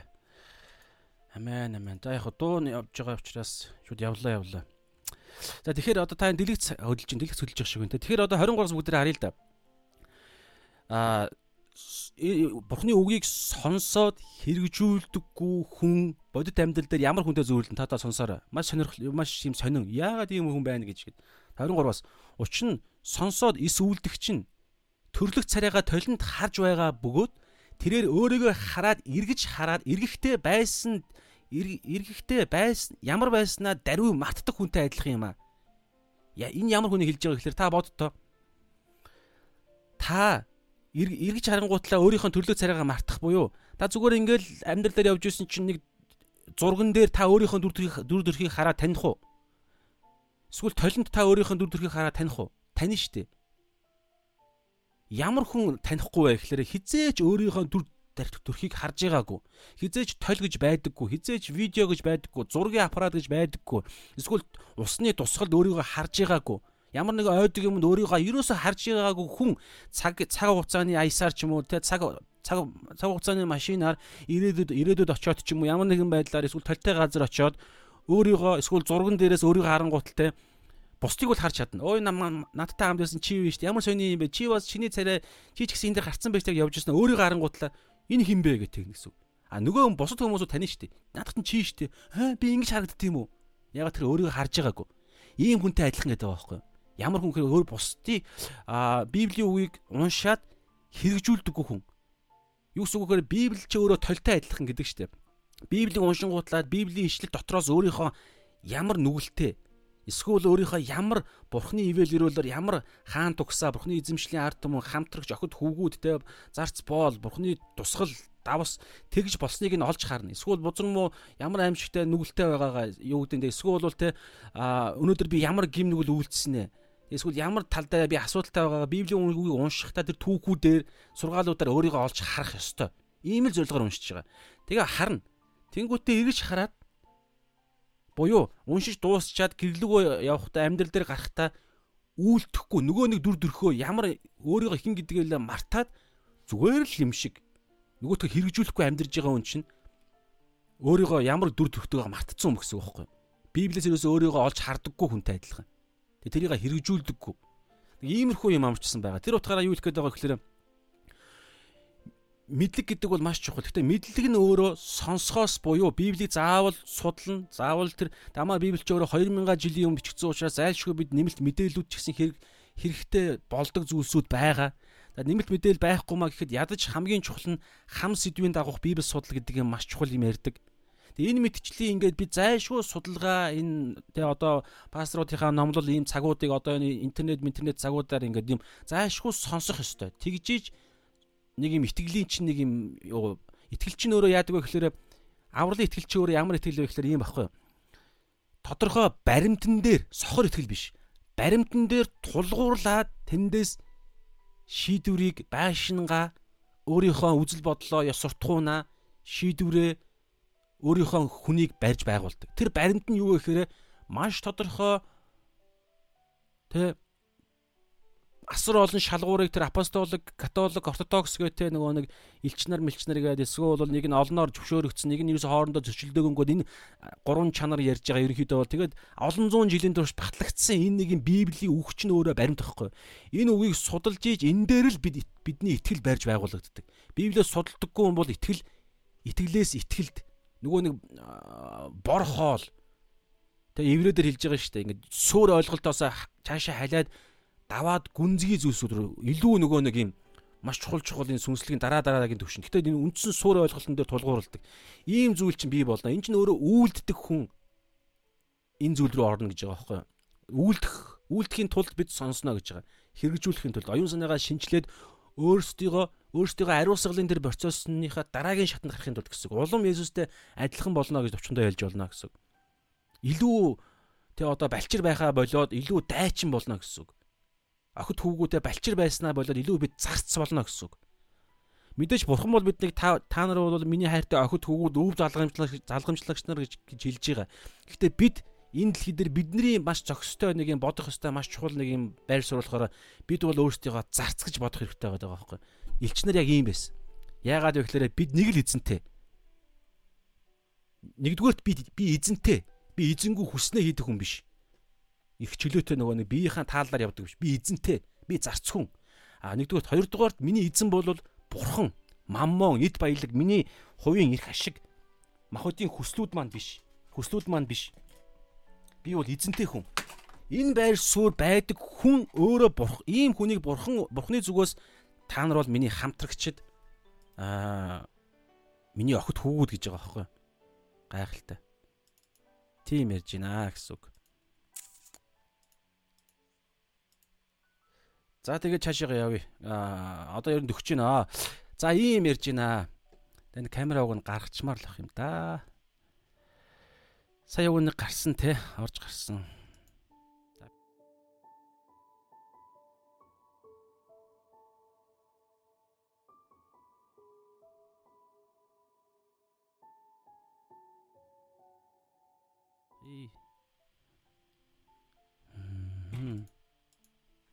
За за явахгүй юм байна. Хашаад явлаа. Орж ирэхгүй л яах.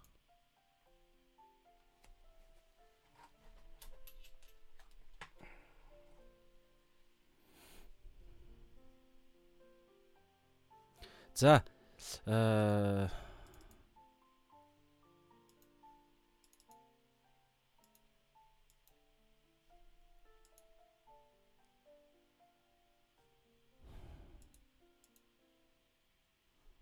За за за болохгүй юм. За тэгээ одоо цаашаа яваа бүгдээрээ. Одоо ер нь өгч чинь. За тэгээд энэ хэлж байгаа одоо Есүс тэр өнөөдөр энэ дэр та нар тэ мэдлэг та нар бичвэрийгч тэ Бурхны хүчийгч мэдэхгүйгээсээ болоо төөрөлдөж байна. Яагаад яагаад төөрөлдөж байгаа гэхээр амьлалд одоо энэ дээр Тэнгэрийн хаанчл очихоор яаж байгаа гэхээр өө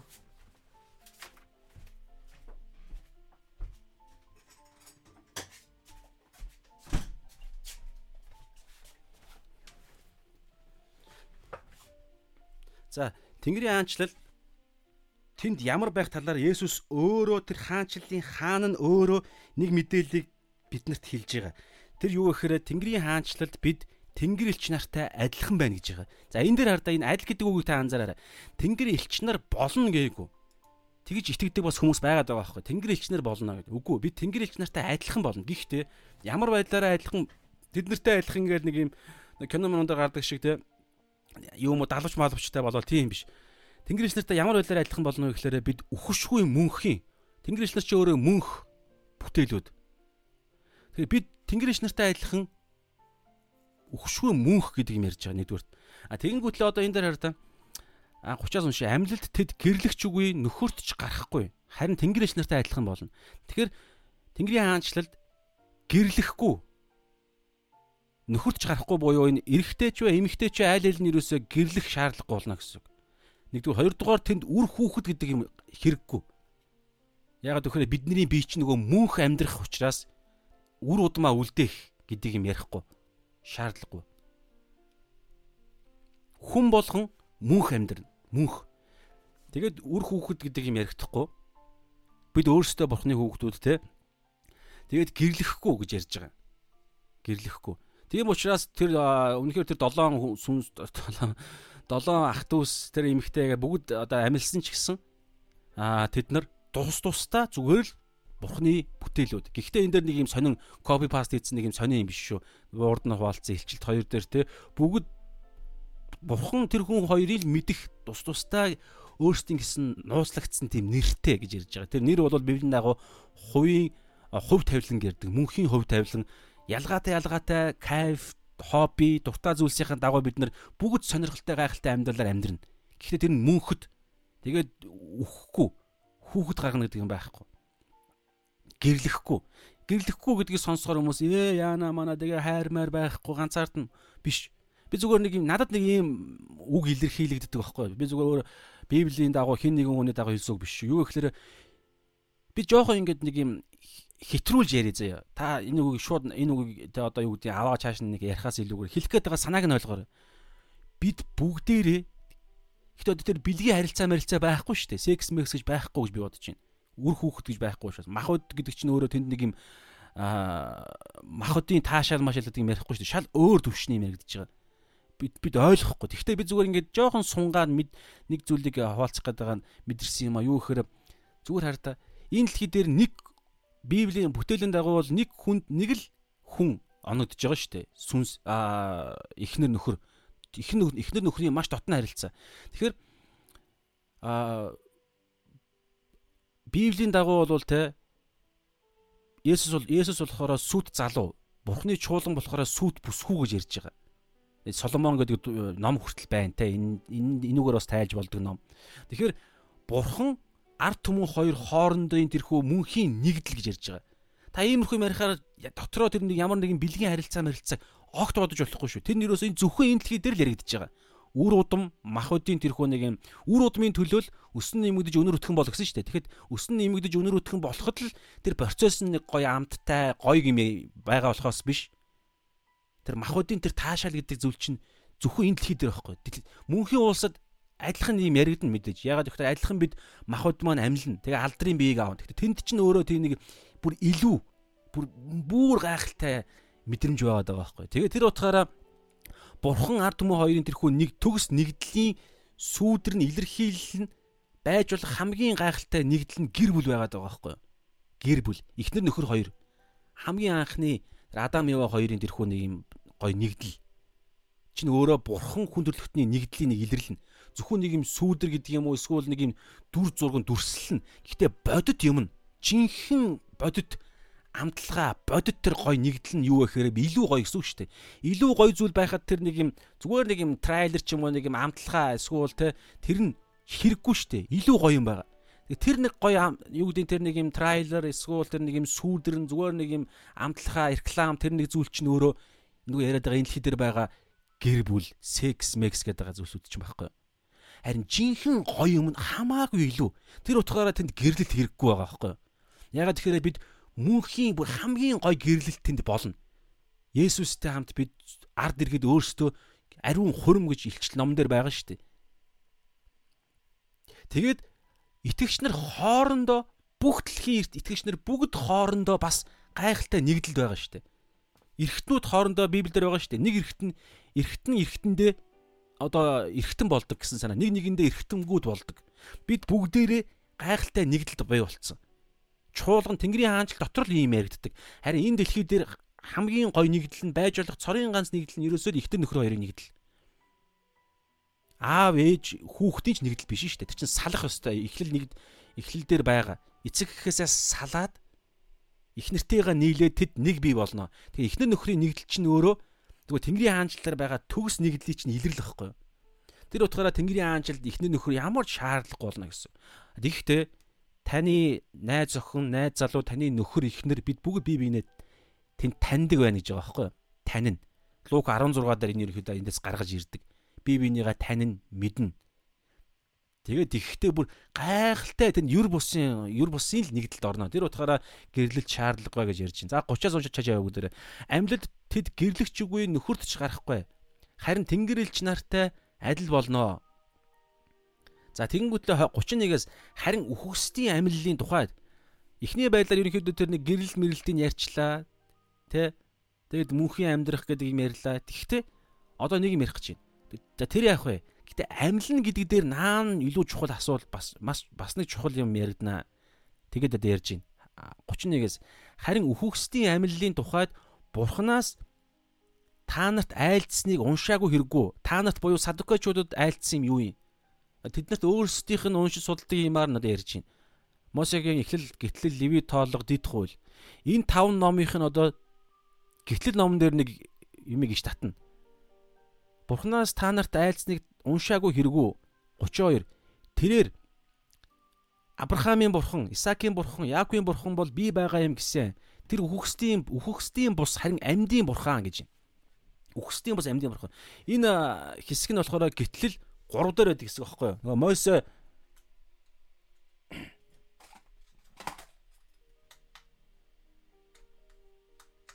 Мойсе нөгөө нэг шатаж буй бутыг хардаг штеп. Тэгээ тэнд нэг а бурхантай ярилцдаг тэр хэсэг.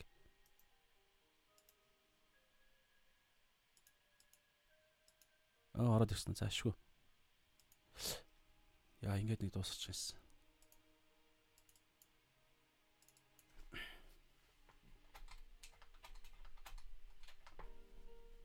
За. Тэр хэсэг байгаа. Бүгдээр эхлэл гэтлэл 3-ыг харъя. Гэтлэл 3 дээр Гэтэл 3 дээр хэлж байгаа шүү дээ. Гэтэл 3-ын за 6-аг харъя бүгдээрээ. Одоо Мата дээр ингэсэн шүү дээ. Бурхан бол үхгсдийн бус амьдын бурхан. Тэгэхээр бурхан амьдын бурхан гэдгийг садукочуудын өөрсдийнх нь унш судалдаг гитлэл номон дээрээс одоо Есүс гаргаж ирэх гэж байна. Тэгээ хамыг нь 20 дугаа болгоно. За бүгдээр харъя л да. Тэр нь юу юм? Гитлэл 3-ын 6 дээр байгаа. 6 дээр 14-өөс 15 дээр байгаа.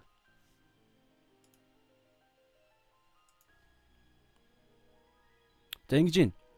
Мөн чи чиний эцгийн бурхан, Авраамийн бурхан, Исаакийн бурхан, Яаковын бурхан бол би байгаа юм гэж айлцсанд Мосе бурхныг үзэхээс айж нүрээрээ унваа. Тэгэхээр Мосед бурхан өөрийгөө таниулахдаа Авраамийн бурхан, Исаакийн бурхан, Яаковын бурхан бол би байгаа юм а гэсэн. За тэгэнгүүтлээ 14-өөс 15 дээр би байгаа гэдэгт хамааралтай. 14. Бурхан Мосед таны нэр хин гэвэ хин гэж би таныг танилцуулах бай Израилийн ард түмэнд гэсэн чинь те Бурхан Мосед би бол би байгаа нэр нь би байгаа гэд байгаа юм гэв. Тэгээд тэр Израилийн хүүгүүдэд чи би байгаа намайг та нар руу илгээв гэж хэл. 15 цааш нь бурхан Мосед Израилийн хүүгүүдэд чи эцэг өвгдийн чинь бурхан Авраамийн бурхан Исаакийн бурхан Яаковын бурхан эзэн бол эзэн намайг та нар руу илгээв гэж хэл. Энэ нь мөн хийн миний нэр бөгөөд үеийн үед миний дурсгалд нэр юм а. Тэгэхээр би байгаа гэдэг энэ үг нь өөрөө Тэгээд энэ Исаакийн Авраам, Исаак, Яаковын гэж одоо одоо 6 дараа гэсэн шүү дээ. Аа Авраамийн бурхан, Исаакийн бурхан, Яаковын бурхан бол би байгаа юм аа. Энэ би байгаа гэдэг нь болохоор аа одоо энэ дээр ариун бичээс нийгэмдэг тайлбар хийсэн байгаа харуулъя л да би бол би эсвэл ардаа энэ нь еврейгээр яава гэдэг үг. Явэ миний гэдэг яава ч нөөрөө энэ бурхны еврей бурхны нэр нь байгаа. Тэнгүүтээ англи хэлнээр Яхува гэдэг нэг юм оруулсан гэдэг юм буулгасан үг байдгаа гэж энэ. Гэхдээ яг ингээд юунаас яг ингээд нөгөө нэг грек их хэлийг ингээ харсан чинь хаяа гэж дуудагддаг тэр нэг юм үсгийн нийл тэр нэг юм яава гэдэг юм дөрвөн юу лээ? Яа Йох Ехо 3 билүү 4 тэр нэг үсгийн нийлэмж нийлэмж мөртлөө дуудахта хаяа гэж дууддаг байгаа даа байхгүй. За тэр нь яах вэ? Би нарийн шимийг мэдэхгүй байна. Еврей судлааг болохоор. Тэгэхээр хаяа гэж юм гэдэг. Гэхдээ энэ нөр яг тухайн үг нь магадгүй дууддаг байх. Гэхдээ яг ингээд тэр үг нь болохоор яава гэдэг үг. Энэ ямар илэрхийлэл байгаа гэхээр би оршдог, би байдаг. Би бай. Одоо миний энэ өнөөдөр Есүсийн хэлсэн санаа юу гэхээр би Авраамийн бурхан байсан гээг байхгүй юу? тэнд ялгаа гарч ирж байгаа. Садукачуудад юу гэж хэлж байгаа гэхээр та нарын уншдаг Библиэл дээр чинь гитлэл номон дээр чинь бурхан би Авраамийн бурхан, Исаакийн бурхан, Яаковын бурхан юм аа. байгаа юм аа. Би байсан юм аа гэж хэлээгүй. Ягаад гэвэл тухайн үеийн гитлэл ном чи өөрөө гитлэлийн үйл явц чинь ойролцоогоор манай эртний өмнөх 1400 за 1400 500 оны үед болсон. Гэтэл Авраам хизээ амьдарч исэн юм. 2000 500 400 500 жилийн өмнө амьдарч исэн шүү дээ. Айл хизээний өгцөн байсан.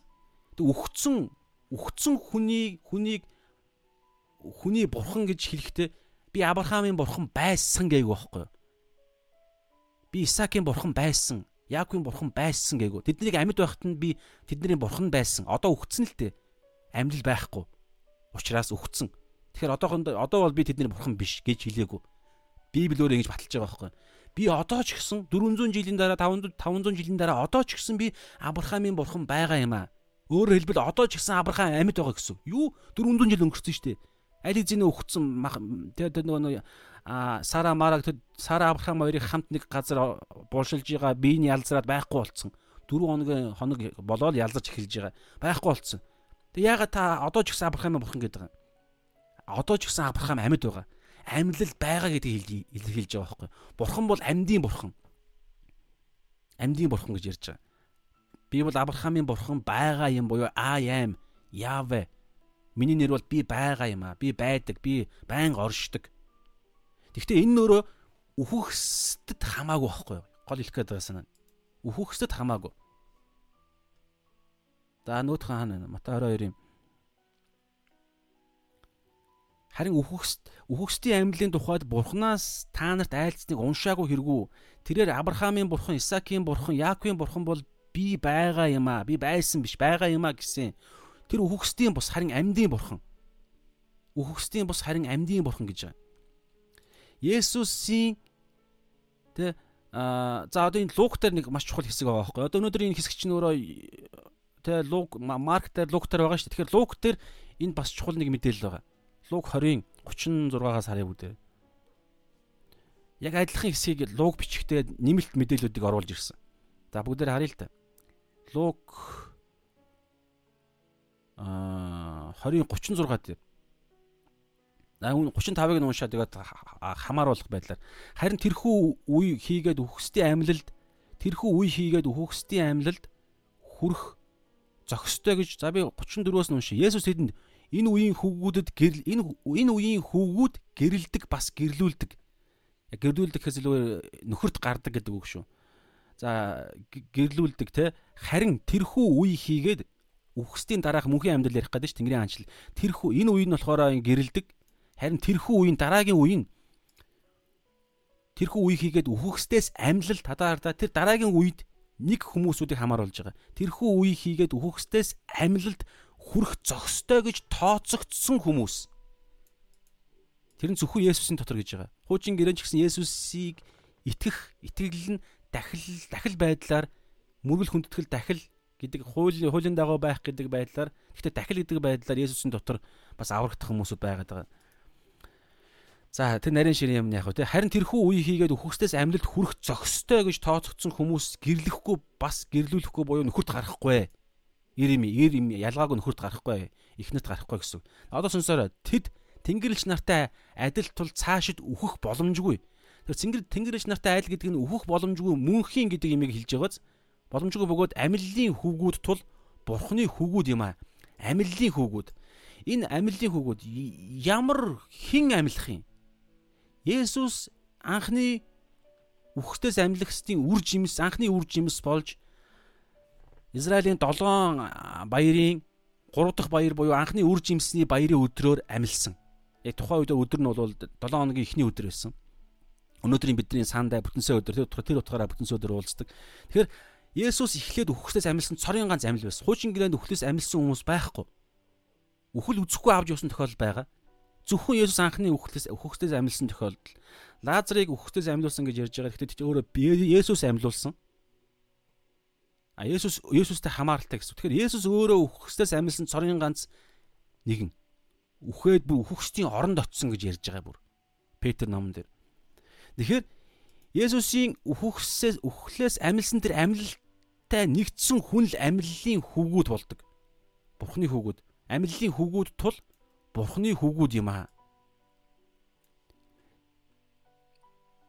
Есүсийн амлалттай нэгдсэн хүн л Бурхны хүүгүүд болдог. Хүүгүүд ерөнхий байдлаар хэлж байгаа. Яагаад эмэгтэйчүүдийг охтуудад шилэхгүй байгаа юм? Хүүгүүдийн цээжинд буюу нөгөө хавирганаас нь эмэгтэй гарсан учраас эмэгтэйчүүд эмэгтэйчүүд гэдэг нэр дотор нь явж байгаа. Хүн төрлөختөн гэдэг дээр mankind гэдэг, human гэдэг, mankind эрэгтэй. Тэр эрэгтэй хүний цээж нь эмэгтэй хүн байдаг учраас хөвгүүд тэ гэдэг гэдгийн цаана нь эмэгтэйчүүд явж байгаа шүү. Нэг бий болох болох байдлаар ярьж байгаа. За тэгээд а 38 дээр хар та. Тиймээс тэр үхсдийн бус харин амьдын бурхан мөө түүний хувьд бүгд амьд байдаг энэ ардаа түүний хувьд бурхны хувьд бүгд амьд байдаг гэдэг нь англи орчуулгуудыг харахаар их гоё орчуулгууд байгаа байхгүй юу. King James өөр хаан хаан хэд юу юунч байлаа да. Бурхан дотор бурхан руу амьд байдаг гэсэн санаа байгаа. Бурханы хувьд амьд байдаг гэдэг байдлаар гэхээс илүүгээр бурхан руу амьд байдаг. Бурханы дотор амьд байдаг гэсэн санаа. Үхшгүй мөн тэгсэн шүү дээ нөгөө нэг 36 дээр те Тэд тэнгэрлэгч нартай адил тул цаашид үхэх боломжгүй. Амьлын хүүгүүд бол бурхны хүүгүүд юм а. Тэр үхэх боломжгүй. Ямар хүн үхэхгүй мөнх байх байх вэ гэхээр бурхны дотор орсон хүн. Бурхантай нэгдсэн нөгөө амин амьсгал нь эргээд бурхантайгаа орсон бурхны дотор орсон хүн л мөнх амьдрна. Тэр нь юу юм? Зөвхөн Есүсээ дамжиж бид бурхны охид хүүгүүд болж үрчлэлэгдсэн. Есүсийн цусаар бид бурхны охид хүүгүүд болж үрчлэгдсэн. Тэр утгаараа эргээл нөгөө зөвхөн Есүс гэдэг ойлголт. Бүх юм зөвхөн Есүс. Ийм зүйл ярьж байгаа шүү. За бүгдээрээ үндсэн эсвэр гооч. За 32 уншаа тэгээ баг өндөрлж чинь. Тэрээр Авраамийн бурхан, Исаакийн бурхан, Яаковын бурхан бол би байгаа юм а гэсэн. Тэр үхсдийн бус харин амьдын бурхан гэвэ. Үүнийг сонсоод ард олон сургаалыг гайхаж байлаа гэж байгаа. За амьллын тухайд юу ярьж байгааг гэхээр мах бодийн амьллыг л дандаа ярьдаг шүү. Мах бодийн амьлал. Сүнс бол угаасаа ер нь үхдэггүй шүү дээ. Үхэх гэдэг ойлголт байхгүй байхгүй юу?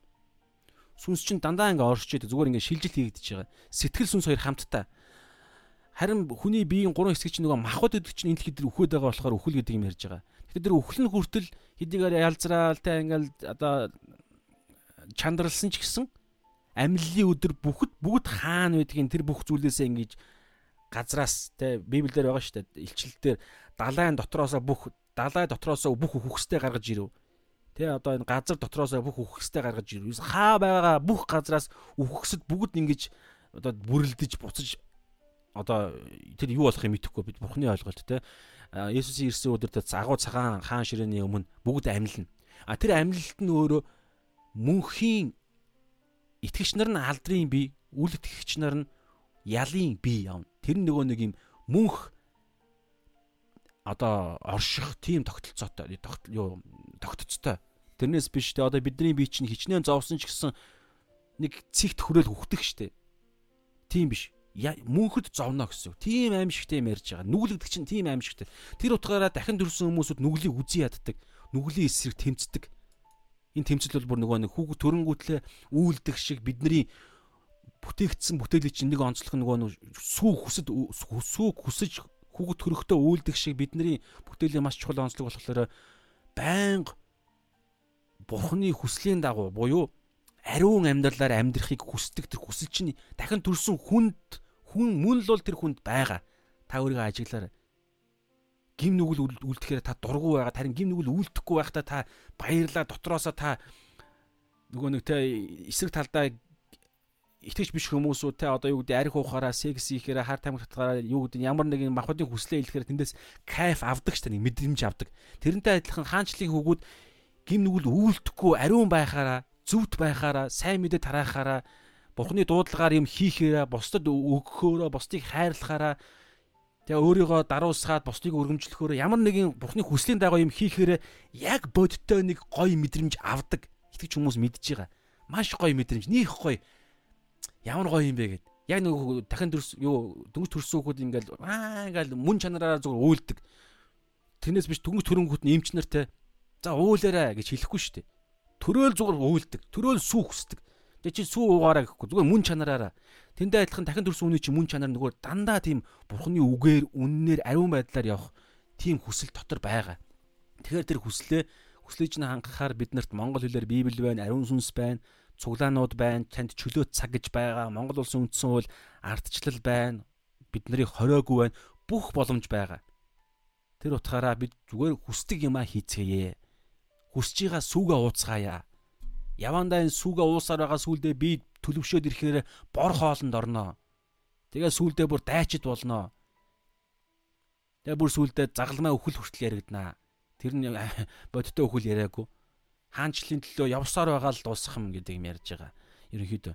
За тэгээд энэ дээр тэ амиллын тухай тэгсэн шүү дээ. Аа амиллын тухайд бурхнаас та нарт айлцныг уншаагүй хэрэгүү. Тэ аа уншаагүй хэрэггүй тэрээр үхгсдийн бас харин амьдын бурхан. Бурхан бол зөвхөн энэ зөвхөн амьтай хүмүүсийн л бурхан байгаад байгаа. Зөвхөн амьтай хүмүүсийн бурхан. Зөвхөн амьтай хүмүүсийн бурхан. Тийм учраас аа бид үргэлж Есүсийн дотор гэж ярьж байгаа. Тэгээд уншаагүй юу гэдэг би нэг үгэн дээр бас нэг юм бодол орж ирсэн те. Та нар та нар уншаагүй юу? Хаана вэ? Тэгээ өндөрлөө ерөнхийдөө болчлоо. Амьдлын тухайд. Оо, аана штэ. Харин хөхсдөөс амьдлын тухай та нар Бурханаас та нарт айлцсныг уншаагүй юу? Юу гэсэн үг вэ гэхээр та бид амиа бид үннийг уншаагүй юу? Та Библийг уншсан уу? Уншсан бол дотроос нь оюун санаагаа шинжлэх тэр гайхалтай ойлголт руу хүрсэн үү? Тэгснээрээ бид нөгөө нэг хэрэгжүүлэлт гэдэг байгаа. Тэгснээр оюун санаагаа шинжилнэ гэж байгаа тий. Тэгснээрээ бид та юу хүсэж чинь? Та зүгээр юу хүсэж чинь? Тэр хүсэл чинь өөрөө шинчлэгдэнэ. Тэгээ Бурхны хүсэлтэд нэгдэнэ. 1-р Иохан 5:17, 14-өөс 17, 15 шинжлэгдсэн хүсэл гарцаагүй биелнэ. Тэгэхээр ийм хүн хүсдэг байгаад хүсдэг зүйлээ авал гоё үсттэй. Хүсдэг зүйлээ авбал эсвэл Бурхны хүсдэггүй юмыг хүсвэл өөгдөхгүй гэж болно. Тэгэхээр Бурхны хүсдэг юмыг хүсээд хүсэх юм бол гарцаагүй авна гэж ярьж байгаа ерөнхийдөө бол. За өнөөдөр хэсэг бол ерөнхийдөө иймэрхүү. Тэгээд овчхон дүгнэе. Юу гэж дүгнэх вэ гэхээр амьдрал дээр л ерөнхийдөө юм яригдана л да хамгийн гол юм. Юу гэхээр бурхан болвол а амьд амьтай нэгний аав бурхан. Тэр ам зөвхөн Есүсийн дотор Иохан 14-ийн а 6 дараа би энэ нэр яриаг юм те. Иохан Матай 15-ийн 14 дээр гэж байгаа. Сохрон сохроо газарчлал тэд хоёулаа нөхөн дуннаа гэж ярьж байгаа. Фарисеучуудын ханд жилж байгаа. Тэгэхээр мэдлэггүй хүн Бурхны мэдлэггүй Есүсгүй хүн гэсэн. Есүсийн дотор байдаггүй, ариун сүнсгүй, Библийг тэндээс сүнсээрээ тэндээс ойлгож ухаарсан юм байдаггүй хүн болвол бид нарыг аварч замталж чадахгүй. Хин чадахгүй гэхээр ерөөсөө л зөвхөн Есүс буюу тэр үг мэдлэг Йохан 14-ийн 6 дээр Есүс бол цорын ганц зам үнэн гэж хэлж байгаа амь мөн. Тэгэхээр тэр үнэн өөрөө бол Есүс. Тэгээ Йохан 18-ийн 37 дээр Есүс өөрөө тэр үннийг гэрчлэхээр ирсэн. Тэгэхээр ямар хэрэгжүүлэлт, ямар дүгэлд гарах вэ гэхлээр би одоо нэг үгийг хэлье. Энэ үгийг та энэ үгийг сонсонгуутлаа танд ямар мэдрэмж төрхөө та одоо яг хүлээгээ сууж байгаарай. Ямар энэ үгийг хэлэхээр танд ямар мэдрэмж төрөх нь вэ? Бүгдээрээ байнга Библи судалдаг байя. Та тодорхой чагнда. Бүгдээрээ өдөр болгон чимээг цагаа хийдэг байцгаая. За бүр чааш нь бүр гоё. Бүгдээрээ ишл ишлүүд чухал ишлүүдийг чэйжлээ. Бүгдээрээ байнга Библийг гүнзгий маш гүнзгий оюун санаагаа шинжлэх төвшөнд байнга судалдаг байя. Тэрэнд цаг гаргая. Библийг судлая. Библийг уншаарай. Библийг унш. Библийг уншицгаая. Иймэрхүү үг хэлэхээр надад л тэгдэг байсан. Танд яадаг юм мэдэхгүй. Гэхдээ ерөнхийдөө ингээд хэд хэдэн хүнээс сонсч ирсэн. Библийг унш. Чимээгөө цагаа хий гэдэг үгийг сонсохоор сонсохоор энэ рүү ингээд ороо орохдоо оо ядаргаатай юм. Зүгэлтэй мэдчихл байгаа штэ ч юм уу те. Аа хэцүү мэй чадахгүй байна. Тэ зав цаг болдохгүй байна бид юуны төлөө амьдраад байгаа юм бэ? Та өнөөдөр юуны төлөө амьдарч байгаа юм бэ? Энд энэ дээр хэлж штэ өнөөдөр мөнхийн улс жинхэнэ амьдрал эхнэр нөхөр гэр бүл эхнэр нөхөр ч гэж ярихдаггүй. Үр хүүхэд гэж ярихдаггүй. Энэ дэлхий дээр амьдрахад л дэлхий дээр амьдрахад л биднэрт туслагч тэ аа болж ирж байгаа гэр бүл арт тал болж дүүлэг гол амт зорилго нь юу юм? Есүсийн дотор загалмай загалмай руу л явах. Тэр нь юу юм? Бусдын авралын төлөө. Та бус сайн мэдээ тараагаарай. Та бусдын авралын төлөө та амьдраарай гэж хэлэхэд бас юу бодогдож байна. Шалгаарай. Энэ дотор бузар муугийн юм байдаг байгаа шүү. Тэр утгаараа бид дотроо нөгөө нэг худгаа уух гэдэг утгаараа те энэ дотор чинь муухай юм гаргаж ижвэл гаргаж ирээд эзэн минь ээ Библи унших унших унших болгонд дотроос нь ийм муухай юм муухай юм гараад байна. Энэ минийх бишээ. Би гэрэлт гаргаж байна. Та энийг цусаараа нэгдүгээр явах нэгийн 7-оос 8 дээр байгаа. Цусаараа энийг та угааж өгөөч. Ингиж илэрхийлж бодтой энийг гэрэлт гарч ирэх үйлдэл хийхгүй бол Библи уншаараа сайн мэдээ тараагаараа та хаанчлын төлөө амьдрах ёстой мостой гингүүтэл сонин мэдрэмжийн дотор ч байгаа мэдрэг мэдрэгдсэн ч гэсэн удлаа нана амийн харин тийм ээ амийн гэл аа ба за тийм байна гэл Ингээл яваад байхаар чи яагаад байгаа гэж. Энэ дотор муухай юм чинь ингээ өрн таригдаа л байгаа. Тэгээ эн чин таныг бид бүгдийг удирдах байгаа байхгүй юу? Яг амьдрал дээр гарч ирэхээр, сонголтон дээр гарч ирэхээр хинч хараагүй үед гэдэг шиг 74-нд Библи унших уу? Эсвэл тэнд өөр юм хийх үү? Гэтэ би нэг юм амар юм хэцүү юм яриаггүй шүү дээ.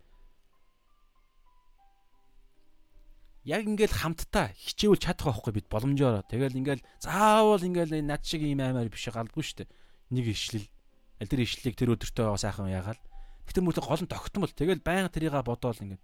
Тэгээ эн чинь бидний нөгөө дахин хүүхэд ингээд төрөнгүүтлээ сүүхсэл аа ингээд үйлдэлтэй адилхан шинэ хүн та болсон л болвол дотор чинь Бурхны үгийг судлах, үннийг ойлгох хүсэл танд байгаа. Та таны сүнс чинь орилж байгаа. Аа сүүгээ ууя. Бурхны үгийг үннийг хүсье үйлж байгаа. Тэр үйлж байгаагаа та мэдэрж гин үү? Эсвэл өвлөхгүй уу? Тэгвэл асуулт асуудал өөр юм болж хөөрнө. Дахин төрөөгүй юм биш үсттэй та. Та Есүсийг эзнээ болгоогүй юм биш үсттэй. Яхон 3 дээр сүнс ба усаар усаар дахин дээрээс төрсэн хүн тэнгэрийн хаанчлалд орно. Өөр хүн тэнгэрийн хаанчлалд орохгүй зөвхөн дахин төрсэн хүн л орно. Дахин төрсэн хүн л нөгөө нэг сүү бурхны үгийг хүсдэг аа гэж үйлдэг юм нь мэс чанар цаана байж идэг. А чадахгүй байж болно, балчир байж болно. Гэхдээ цаана байж идэг бурхны үгийг. Тэр утгаараа та хоёр үзэж байгаа бол энэ сууж л байгаа л да. Тэр утгаараа тэгж хамаагүй яриад яах вэ. Тэгвэл а хэр үнэхээр дахин төрсэн мөн та тэр утгаараа сууж байгаа учраас мөн байна. Тэгэхээр мөн юм бол бүгдээрээ хүсэж байгаа юмаа л хийл та. Яагаад заавал бид боол биш шүү дээ. Бурхан ч хүсэж байгаа ариун сүнс ч гэсэн Ром 8 дээр яолон бай залбирж байгаа. Еврейдэр ч гэсэн Есүс эцгийн баруун гартал бидний төлөө зуушлан залбирж байгаа. Бурхан өөрөө хүсэж чинь боломжинд байна, эрх чөлөө нөгөөгдсөн. Биднэрд эрх чөлөө байна. Би цаг заваа та цагийн хуваараа та өөрөө гаргадаг юм уу? Эсвэл таны хин нэгэн хүн гаргаж өгд юм уу? Та өөрөө гаргадаг шүү дээ. Тэгэхээр тэн дээр оруулъя л та. Нээлттэй шүү дээ.